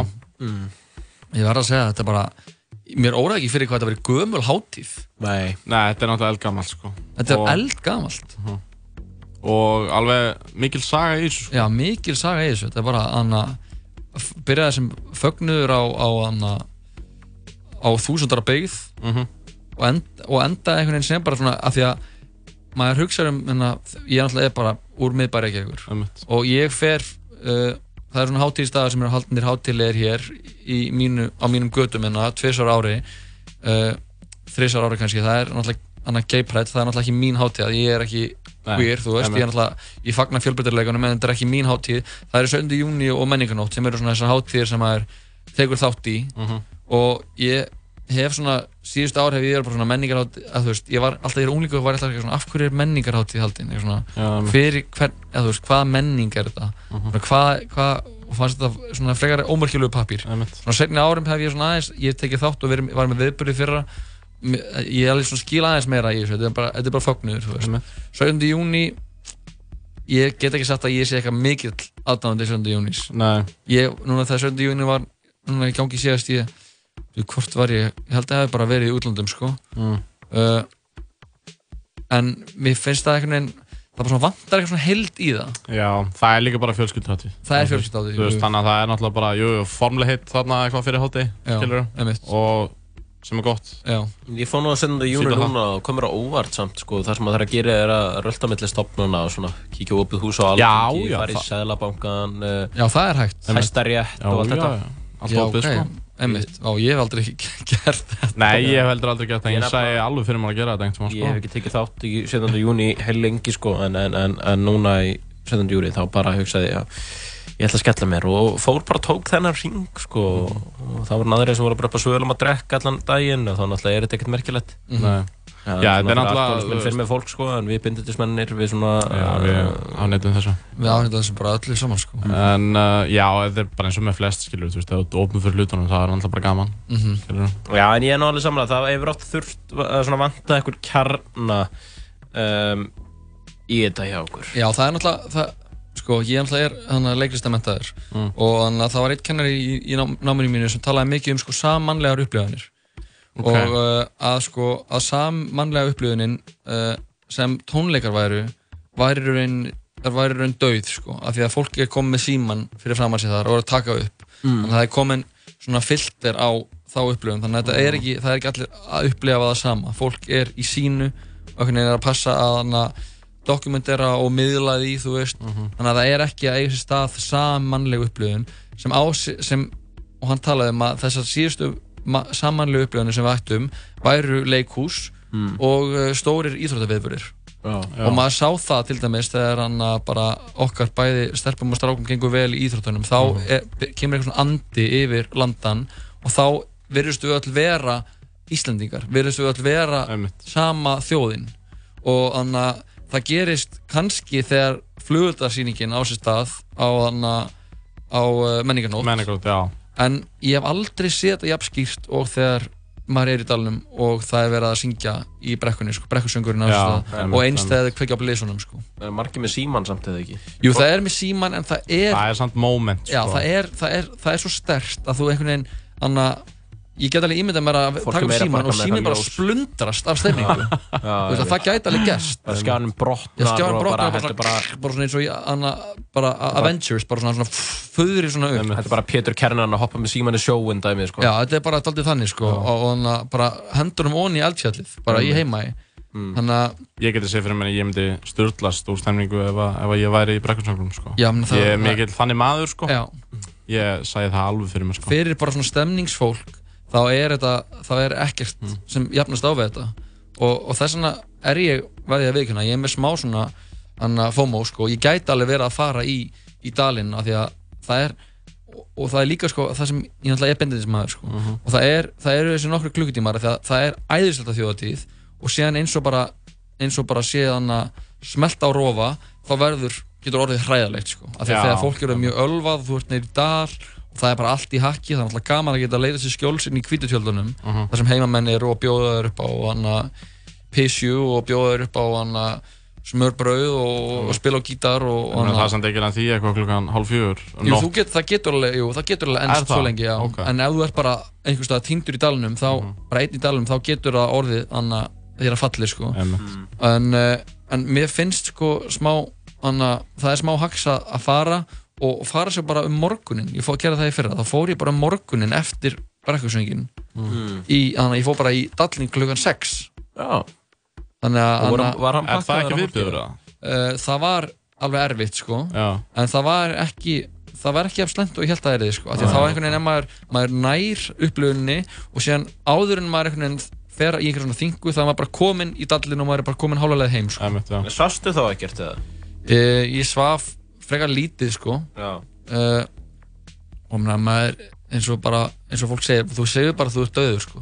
Þú ert að gera eitthvað skemmtilegt þá getur þú bara sofið þegar þú ert döður sko. Einmitt, ég átti hins vegar fór ég í dallin núna fyrir ár að spila á skólaballi og þá átti ég hræðilegustu upplöfun sem ég hef átt í- á, á, á báti alltaf tíma sko. Ok, sjóðu ykkur það Já, ég var ótrúlega sjókur, ég hitti sko, mætti í bátunni, hitti Blas Rokka og að gæði sem var að spila á þessu balli líka Mm. hitti sem bræðurna Friðrik og Jón sem voru að fara að skemmta okkur öðru balli Ok. og uh, þannig að ég var einn það var engin DJ sem komið með mér og uh, ég fekk eitthvað svona sjóveikistöfli og frikka og, þannig að ég eitthvað svona báturinn verið að stað og, og það er ótrúlega vont við Já. og ég þannig að ég svona, hallað mig fram á okkar borð og svona hálf dotta síðan eitthvað, herri, ég ætla að fara bara í kóju og leggja mig. Og, og uh, síðan er ég komin í kóju og síðan vakna, hlusta, ég seti í gang sko í ljósi sögunar til að svona fá, ná smá hugar á. Síðan vakna ég, veit ég, veit ég hvernig tímanum leið sko, en ég vaknaði í svita baði og, hana, og það er þvílíkur öldugangur og ég fer inn á, á klósetið og, og, og er þvílíkt sjóveikur sko. Og báturinn svona negli svona, skelli svona niður og síðan fer hann svona upp og ég svona liftist upp. Bara eins og ef þið hafið síðan myndina Inception Einmitt. þegar þeir eru þannig í atriðinu hótelinu þar sem snýst svona gæði snúast ég var þannig, ég sveif bara. Og síðan bara skalli niður og bara fór beint að kasta upp. Og síðan átti ég bara var ég núna bara næstu tvo tíma þetta, þetta var óvinni lang, lang, lang, langur Langt session. Langt session sko, og löng bátsferð þetta var gamli dallurinn og það var, það var sko Já, þetta var Þorlóksöfn Þetta var frá Þorlóksöfn, Fuck, maður. og, anna, og síðan var ég alltaf að fara út að kæla mig og svona, allir var svona að frjósa og bara, já, herru, mér líður vel núna Mm. síðan fór ég aftur inn og þá var það hana úr sögunni, sko, það bara, og ég, Uh. þetta hjælt svona áfram uh, að vera virkilega timbraður á, í dallinum frá þjóðatíð geti alveg ímynda mér að geti orðið að einhverju svona þínu persónulega helvíti, sko, eins og þessi bát fyrir á fyrir mig en ég hef sem bendindismæður ekki upplifað það Nei. Nei.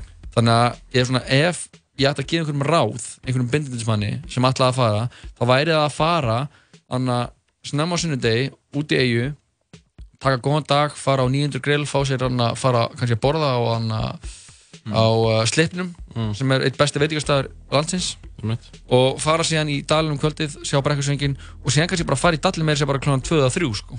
Já, bara næturdall Já, næturdall. Er það hægt? Ok. Það er hægt. Bá- Dallurinn gengur alveg bara eins og bara... Bara þetta, þetta er í gangi, það er bara fólk að koma og fara og... Já, já, já, fólk, að það var mest megnis að fara, sko. það er ekki hverjir er að koma, einhverjir sækó sem er að koma. Það það er bara ólíkir en hérna Já, eh, ég hef alltaf einhvern veginn haldið að bara eftirpartíslið sé að mæta sex í bátinn annarkot ennþá fullt eða ennþá vakandi sko. Já, það er bara svo mikil eftirspunni eftir miðum að þú eiginlega bara þarfst að grípa þann miða sem þú getur fengið sko. Já, ok En uh, ég, ef ég uh, fyrir til eiga sko, þá var ég líka bara til að vera með einhverjum heimamönnum sko. Já, það er náttúrulega mjög gaman, Gista með sko. þeim jáfnvel sko, Já. í einhverju húsi þannig Mhm. og fá svona að vera með einhverju vestmanninskri fjölskyldu og, og svona heyra þeirra sögu og, og, og hvað þau hafa fram að færa þannig Mhm. og svona fylgja hefðunum Já, það er. Það er alveg gaman, Fjölskylduhefðunum. sko. það er mjög gaman að sko. En Oddur, það var aðeinslega að fá þig. Já, bara gaman að koma eins og alltaf. eins og alltaf, alltaf gott að fá þig. Ég, ég ætla, Við ætlum að halda að spila smá svona músíkina sem tengt er þjóðatíð eigum fyrst að við fengum þessa príðiskoðu umfjöllun. Akkurat. Og uh, þetta eru uh, áðurendi bræður Freyrik, Dór og Jón. Þetta er þjóðtíðalagið frá því fyrra, eitt af tveimur reyndar, þeir voru, þeir gerðu tvö lög í fyrra. Einmitt. og uh, þetta lag heitir Heima ei Heima, ey 900, ey, ey, ey, ey, ey, ey How I feel, bro Ready, ready, ready, go! Þú og ég við saman eigum Góða stund í Vestmannaeyjum. Þú og ég við saman eigum Góða stund í Vestmannaeyjum Shoutout á Tíkot, Túborg TV Shoutout á Dans á Rósum Shoutout á Tjöldina Ég baðast í marglitum ljósum Ég tók bílinn í Herjólf Ég tók bílinn í Herjólf Samt er ég ekki með bílbró Samt ekki bílinn í Herjólf, bro. Fimm er stæðnir í dal, baka bíl, baby. Fæ mér lunda, ekki hval, smaka fíl, baby. Ekkert svart, hreint fram tal, allt er clean, baby. Rigning niður í dal, pottagalli, pottagalli, pottagalli, pottagalli Pottagala belti, pottagala úr Pottagala veski, pottagala skór Pottagala kúr, pottagala lúr Ég með pottagala flúr. Ég er pottagalla kall, já maður verður ekki kall. Ég er pottagalla kall, kall, já maður verður ekki kall. Vakna klukkan seint, fer í dalinn klukkan seint Heim úr dalum klukkan seint En samt get ég einhver glemt Því að allt sem ég gerir fer beint í bankan Minningarna fara beint í bankan Reynsta fer beint í bankan Bam, bam, bam, ég fer beint í bankan Beint í bankan, beint í bankan Þú og ég við saman eigum Góða stund í Vestmannaeyjum Þú og ég við saman eigum Góða stund í Vestmannaeyjum Já,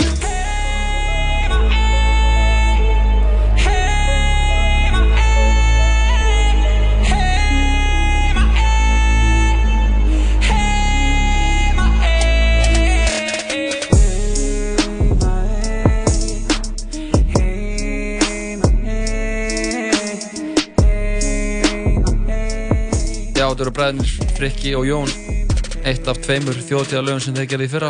Næsta að hlusta á hitt. Þetta er ég heima í, næsta lag heitir á sama tíma á sama stað.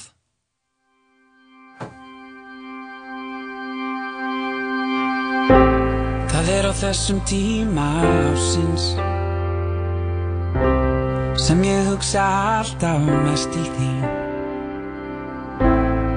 Til þín og ferðalagsins dagsins þegar þú komst fyrst til mín. Og ég veit að þú veist að þó höfum skilji okkur að. Við eigum alltaf þennan stað. Og ég veit að þú veist að Þó höfum skilji okkur að. Við eigum alltaf þennan stað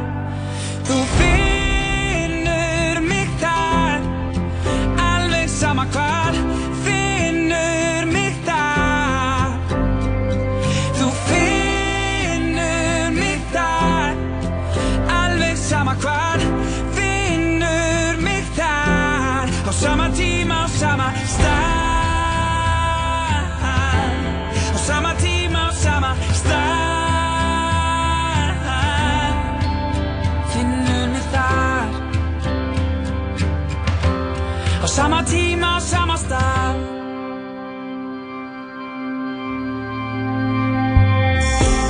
Nú hef ég ekki séð þig lengi. En mikið væri notaleg Ef ég aðeins fengi Að vera á ný þá Á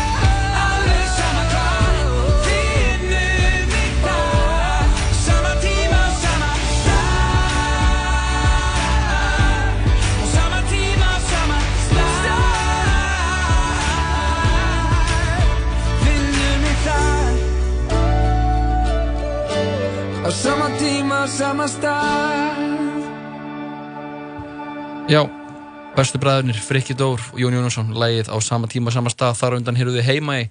Þetta voru þjóðtíðalöðin í fyrra. Já, það er svolítið skemmtilegt hjá þeim svona nýjung að, uh, að hafa tvö lög og annað er að svona hip-hop skotið rap eitthvað. Jú, jú, þeir síndu og sannlega það að það geta allir gert rap með þessu lægi heima í. Já, það er svolítið skemmtilegt en uh, já, minna hvað svolítið að koma inn á að uh, já, núna í morgun þá kom út uh, nýr skoðanabræður okkar maður Aron Móla var þar og uh, Einmitt, svona einmitt. skemmtilegar umræður sem uh, sem vöknuðu þar Já. um, en Birna Maria hún er í bandaríkjunum á þessum crossfit leikum frægu Jú, einmitt, við erum þrjára okkar bestu konum eru þar, Svanhildur Greta, Edda Kristín og uh, Mhm. Birna Maria eru stattar. Hvað er þetta í Wisconsin? eða er eitthvað eitthvað, eitthvað álíka þannig á heimsleikunum með crossfit Já, og, uh, og uh, þær eru með dagurinn í dag, held ég. þær eru með eitt innslag uh, sem fyrir hann á vísi svona, og það er nú mest lesið núna og, og var nú líka mest lesið í gær uh, hveit ykkur til að fylgjast með því og uh, þetta eru svona uh, klippur og það verða þarna í fjóraða fimm daga Mhm. og þetta eru svona cirka 5-6 mínútur bara aðeins verið að fara við gang mótsins og, og viðtölu keppendur og annað Einmitt. Nú síðan er Birna María líka alltaf með innslagi sportpakkunum að stöðu 2 núna Nákvæmlega. Hún er svona útsendarinn þarna Síðan er hægt að horfa líka á sko á uh, mó- mótið í ég inn á vísi.is. Ég horfði aðeins á þetta í gær og ég verð að segja að það er mjög gaman að horfa á þetta sko. Þetta er náttúrulega er því líkt dæmi að vera að keppa í svona í þessu í, í, í, þessari íþrótt sko. Og þannig að er, það er nýtt fyrirkomulega ár það eru í fyrra það hafa alltaf verið bara jafn margir sem keppa bara það, það kemur hópur og þeir keppa er allt mótið. hver, tveir frá hverju landi Já, bestur hver- hverju landi og það er svona útlandakefni það voru Já. 140 sem kepptu í gær í hverjum flokki kalla á hvenna Mm. og síðan var það kötta niður í 75 í dag. Ég held að það er köttu aftur eftir daginn daginn í 50 þannig að þetta er alveg bara svona þetta er æsið spennandi sko, það er nýtt fyrirkomulega og og það er fara skiljumerkilega yfir þetta það er stöllur uh, hvað veitum ykkur að tala kíkin á 101.f Já, um, heldur betur. En uh, við erum að fá til okkar góðan gest, hvaða hverju. Steini Skúradóttir er að koma til okkar í djamlægið ég held að þetta með negli í eitt gott uh, Músíka, að ég er sko, Jakob, ég er í dálnum stuði sko. ég verði eiginlega bara að viðkjanna ég er í stuði í dag, það er uh, þjóðtíðir hafin, ég er ekki þar en ég er þar í anda og ég ætla að spila halda áfram að spila bara hana, minn uppáhaldsmann Pál Óskar. Þetta lag heitir Allt fyrir ástina. Úf.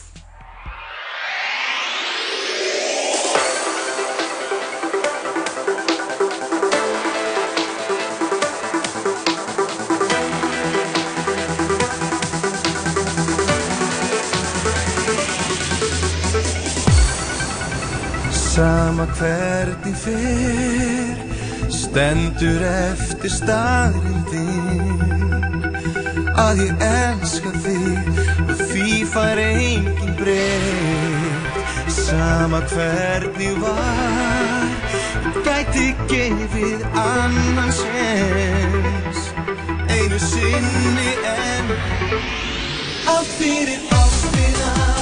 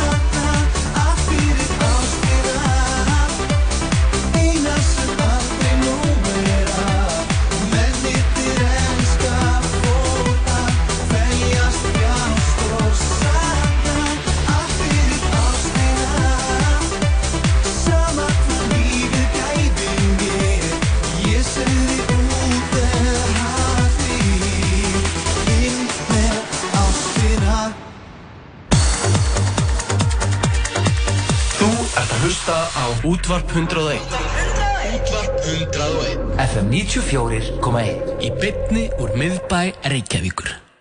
Stór og sterkur. Big Trouble er nýr sérborgari á American Style.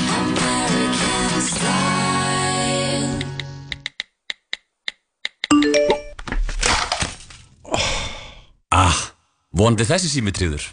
Viss farsímatryggingar. Bíó í kvöld Þú getur valið úr meirinn 800 kvikmyndum inn á Stöð 2 Marathon sem þú getur hort á hvar og hvenar sem er. Tryggðu þér áskrift fyrir aðeins 2490 krónur á mánuði á stöð2.is Þú ert að hlusta á Tala Saman í bóði Dominos og Spiderman Far From Home komin í bíó. Já, svo að tala saman heldur hér áfram á þessum fína fössudegi þegar klukkuna vantar 23 mínútur í 6.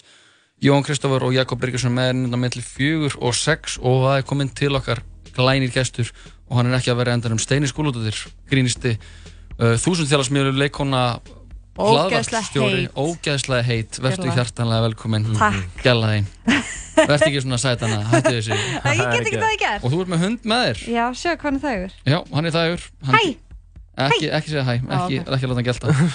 Hvernig hefur það í dag á, á þessum verslunamanna fyrstu degi? Uh, bara mjög fínt. Já, Ég bara svaf ógislega lengi og svo fór ég að klippa einn slaðvarpstátt og fór út í sólina með hundinn og, og það er allt upptalið og borðaði þrjá marsísa í morgumatt. Í alvöru? Eða bara alla, allar máltíðir dagsins. já, já. er Breakfast, lunch and dinner. Já.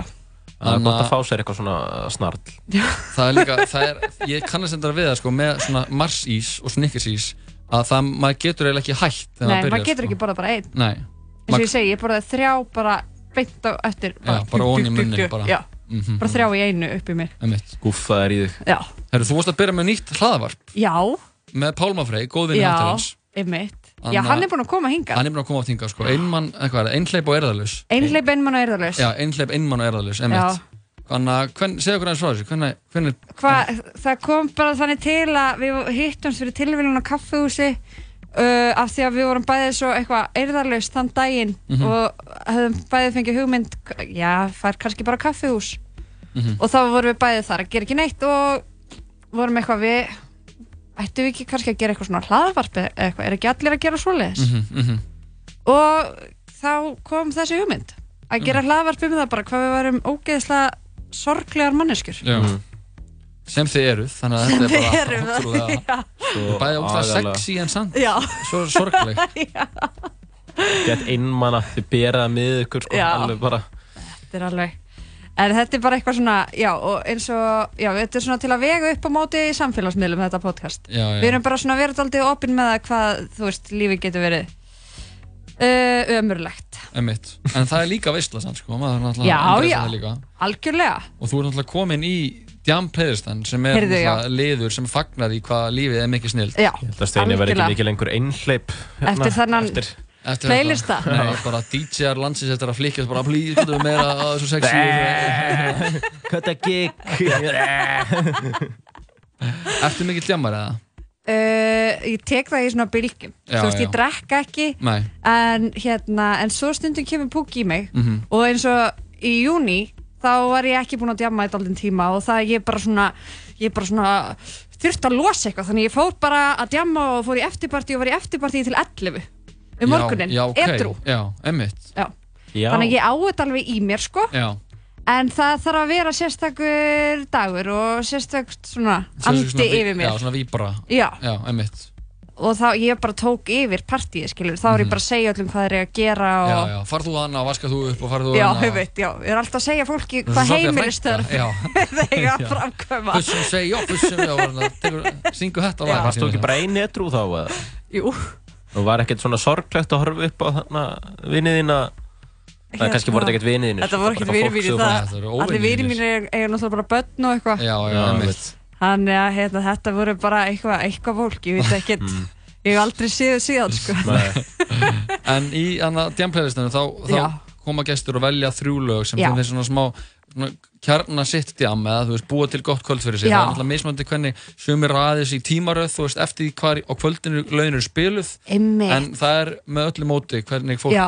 Raðir þessu Ok, já, þá ég, ef ég ætti að hérna, raða þessu upp þá myndi ég byrja á þarna Dance Monkey Já Lagið Dance Monkey Hvað? Dance Monkey Þannig að hvaða lag er þetta? Getur þú sagt okkur frá því? Heyrðu, ég veit það ekki Nei Þetta er bara eitthvað, kom eitthvað á Þú veist, ég setti á þarna playlistar á Spotify þarna, þau nýju Já. Er þið kannski með á ennsku? Uh, já, við erum Já. með cool á The new ennsku. ones. Yeah, pretty sure. The nýju The nýju Yeah, yeah. Nýju sangu Og þetta bara, ég setti það, var eitthvað að gera, bara þrýfaði eitthvað Mhm.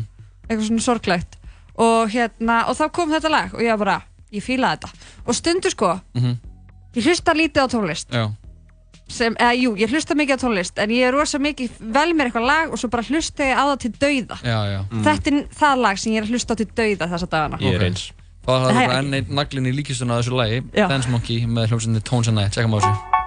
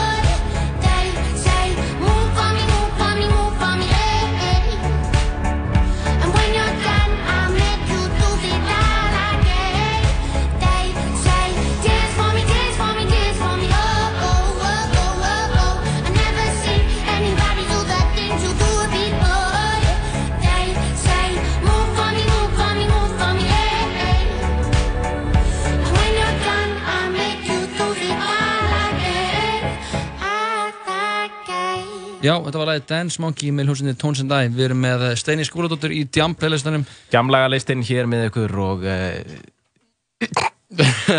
og, og jú, og við höldum áfram. Steini, þetta var fyrsta lagið sem við valdir. Yes. og uh, get, ertu með þetta eitthvað stað svona staðsett á kvöldinu? Er þetta bara lag sem kemur í gýrin hvenær sem, sem er á kvöldið eða? uh, Náttúrulega uh, Ég var bara uppgönd þetta lag fyrir svona tveimur dögum. Já, já, einmitt Þannig að síðan þá, þá er það búið að koma mér í gífurlega stemmingu Já, þú erum ekki gífurlega En ertu ekki, ertu ekki að vakna bara uh, hérna, flegið einhverju snickers ís og hlusta á þetta? Jú, ég er aldrei þar Mhm. síðustu tvo daga þar að segja Síðan tvo daga. Já. Næsta lag á listanum Jam. Er það lagið uh, Ginger? Six, nei, ég ætla að setja næst 16, 16 shots, já, næst er það 16 shots Hafið þekkið það lag? uh, Ég, ég held ekki, sko Ég gæti að vera hlusta, ég, Já. ég kannast við hana Stefán Don, sko Já. Hvað Hvað er er svona? töffari, sko, alvöru töffari Já, ég vissi ekkert hvað það var Svo var ég bara í vor, þá var ég að keira til Vegas Mhm. Og þá setti vinkvara mín þetta lag á Mm. Og ég bara, hvar hefur verið allt mitt líf? Mhm. Já. En þetta er samt um eitthvað svona að taka 16 skot, sko En- Ég er ekkert mikið í því En er eitthvað, það. er eitthvað ákveðið við þetta? Já, er eitthvað saga baka þetta? Varstu bara í Las Vegas og bara...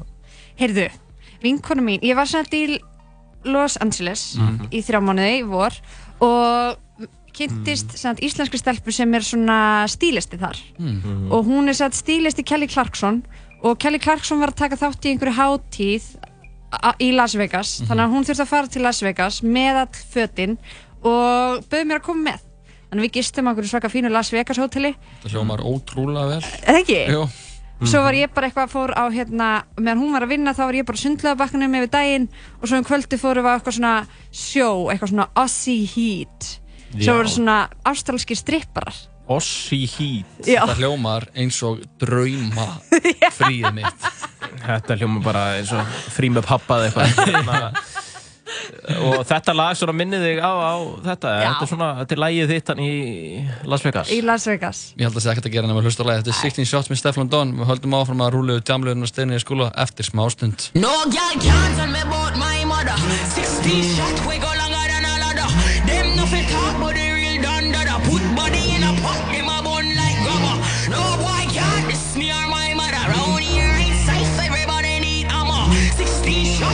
we go shot in.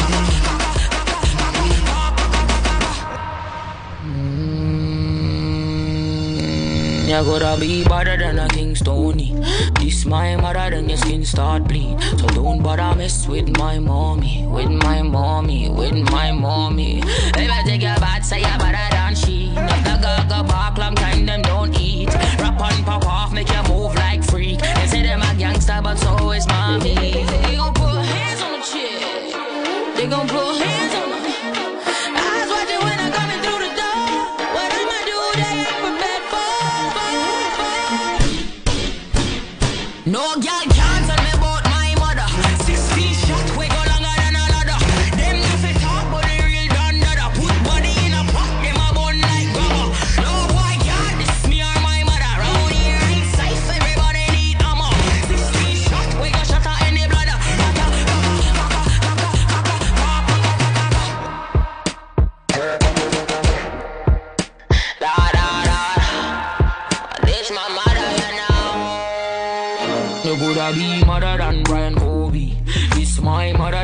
Mother, then your lip won't speak. So don't bother mess with my mommy, with my mommy, with my mommy. You really take your bad, say your mother than me. If things are gonna start at night, you won't sleep. Pop and cut off, make you look like creep. Them say them a bad girl, but girl them no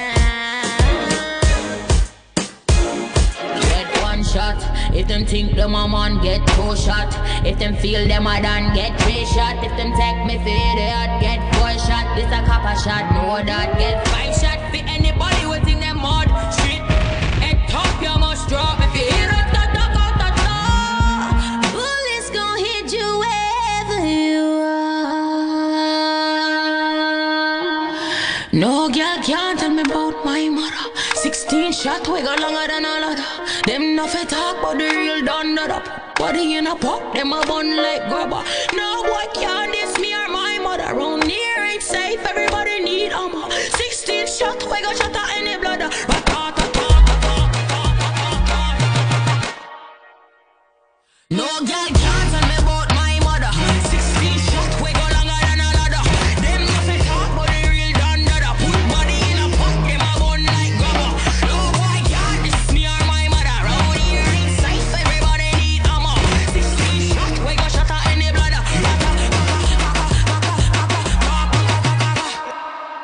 Steflon Don, þetta var lagið 16 Shots. Við erum að tala við Steini Skúladóttir. Hún er hjá okkur í Jam playlistanum á þessum fína fjóðtíða fyrstu degi klukkuna vantar 8 mínútur í.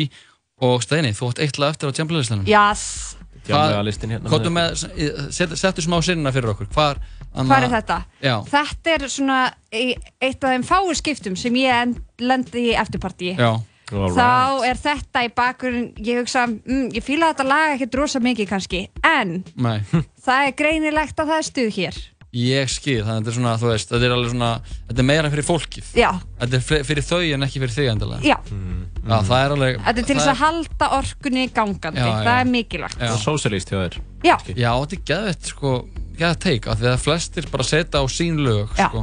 það er eigingjönd Já, ég hef oft sett á hana lög og fólk hefur bara svona snúið sér við og bara hort á mig og er bara hvað er eiginlega að Já. ég er að spila þetta lann og þá er ég bara einhvern veginn hvað, ég, Ég er plötusnúður ég er DJ ég, er, þú veist Bara þú ert fyrir fólkið, ekki fyrir sjálfaðina Já. þegar ég áttaði mig á þessu, lærið þessu leksíu þá, Já. þá breytti það mjög miklu sko síðan þá hef ég bara ég verið að DJ nýri bæ og ég hef sett á lög sem ég hef aldrei Bara fyrir heimilin. Veira mér að spila Já. en ég gera það fyrir, já, gera það fyrir heimil landinu fyrir fólki, fyrir börnin. Ég gera það fyrir alla, sko, fyrir nema mig. Já, en þetta er lag, sko, ég hef aldrei heyrt þetta lag. Þetta er bara eitthvað sem ég spurði uh, sem, uh, vin minn sem er svona yngsti vinur minn. Mhm. Hann er fættur 97 og uh, hann sagði mér að þetta væri svona daldi hip og cool Hefur og... ekki heyrt þetta lag? Nei, Ok, þetta er, þetta er fyrst- listin fyrsta hérna. skipti í Jam playlistanum þar sem uh, gesturinn hefur ekki heyrt lagið. Já, na, ég þetta er, er svona lag Þú, heyrir það og hugsar Já, ég fíla ekkert endilega En hér er stuð. Lagi sem ég hef aldrei heyrt Já, ég veit ekki verið þetta lag, ég hef ekki heyrt þetta lag En, uh, en þú veist, hann spilaði það fyrir mig. Já. ég, en, ég gæti ekki sönglaða fyrir ykkur Nei, núna. Nei, nei, nei, en Það þú er ert bara, svo já, bara- já, já Ég er þetta að, já, einmitt, þetta er svona lag sem ég fíla ekki en Já. fólki í partíinu mun fíla. Já, einmitt. Ok, það er Ég held að það sé ekkert að gera nema að frumflýta þetta lag. Við erum að lusta þetta lag. Ég er mjög spennt. Þetta er lagið Ginger með uh, hljómsveitinni Riton ásamt K.L.O. Who has the ginger? I woke up one day and planned to get reckless. Felt myself and put on my best necklace. Posted in the group chat, who wants to 5G? They were only down for the after party. Hmm, my body is ready. And it's fitting me like I have jetty jetty. Who else would be hype? Who has the ginger? Only this guy that I know with my sister. So I hit him up and told him let's roll. And he told me he'll pioneer the parole. Now it's a movement and I can't waste. So I got some henny at the stash for a taste. Went out for pre-drinks, squad was chill. But as the time passed, shit got real. I mentioned a movement, they said they come through. And them two were ready to do the do. The whole squad tight and the music is flames. And we don't even know anybody here's names. Came front, I have no regrets. Low one of my best nights yet. Ooh, I'm on a big wave. Everybody around me probably feel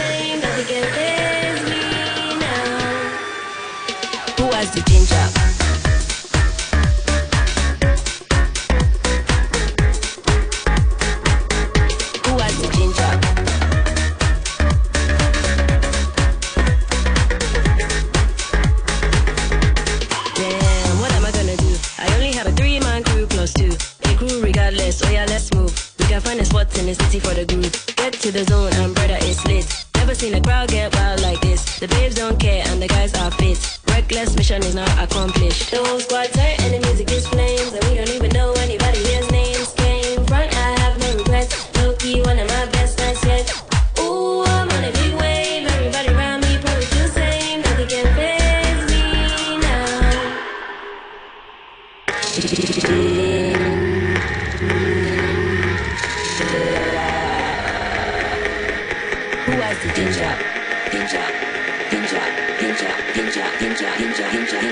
Who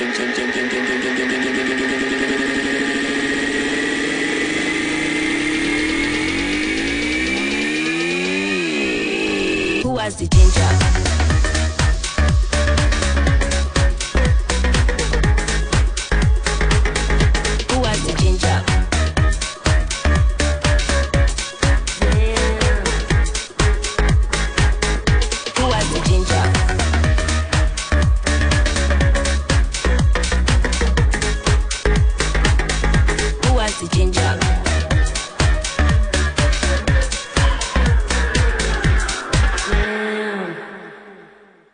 Já, þetta var lagið Ginger með Riton og Carlo Steini.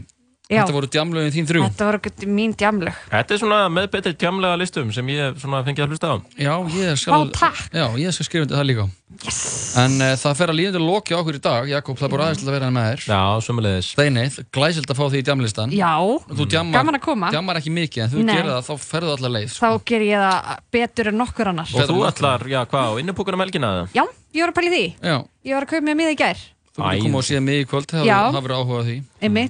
það? Og það uh, ég held að mér langar að enda þáttinn á... Þjóðhátíð- með þér? Nei, á, á þjóðatíðalagin í ár. Já. Það er engin annar en Bjartmar Guðlaugsson. Já, var það ekki eitthvað lélegt? Ég, við skulum ekki dæma það. við höfum Já, það kemur í ljós en Bjartmar er, meistari svona. Hann er kongurinn. Já, ég veit ekki hver það er. Uh, við slumum heyra þetta lag og við þakkum kjærlega fyrir okkur Það er góð kynning á lagi. Er þetta ekki litið lag? Þetta er ömulegt Nei, ok, gerum þetta aftur. Tilbaka. kjærlega fyrir okkur í dag og Já. óskum ykkur kæru hlustundur bara gleðilega helgar og þannig að við verðum ekki Gangið mándaginn. hægt um gleðina dyr, rætt. Svona, hratt. ákveð bara, gangið ákveðin gleðan til Já. Endum þetta á þjóðatíðalagin í ár, það er Eyja Rós, lagið með Bjartmari Guðlusinni. Frábært lag.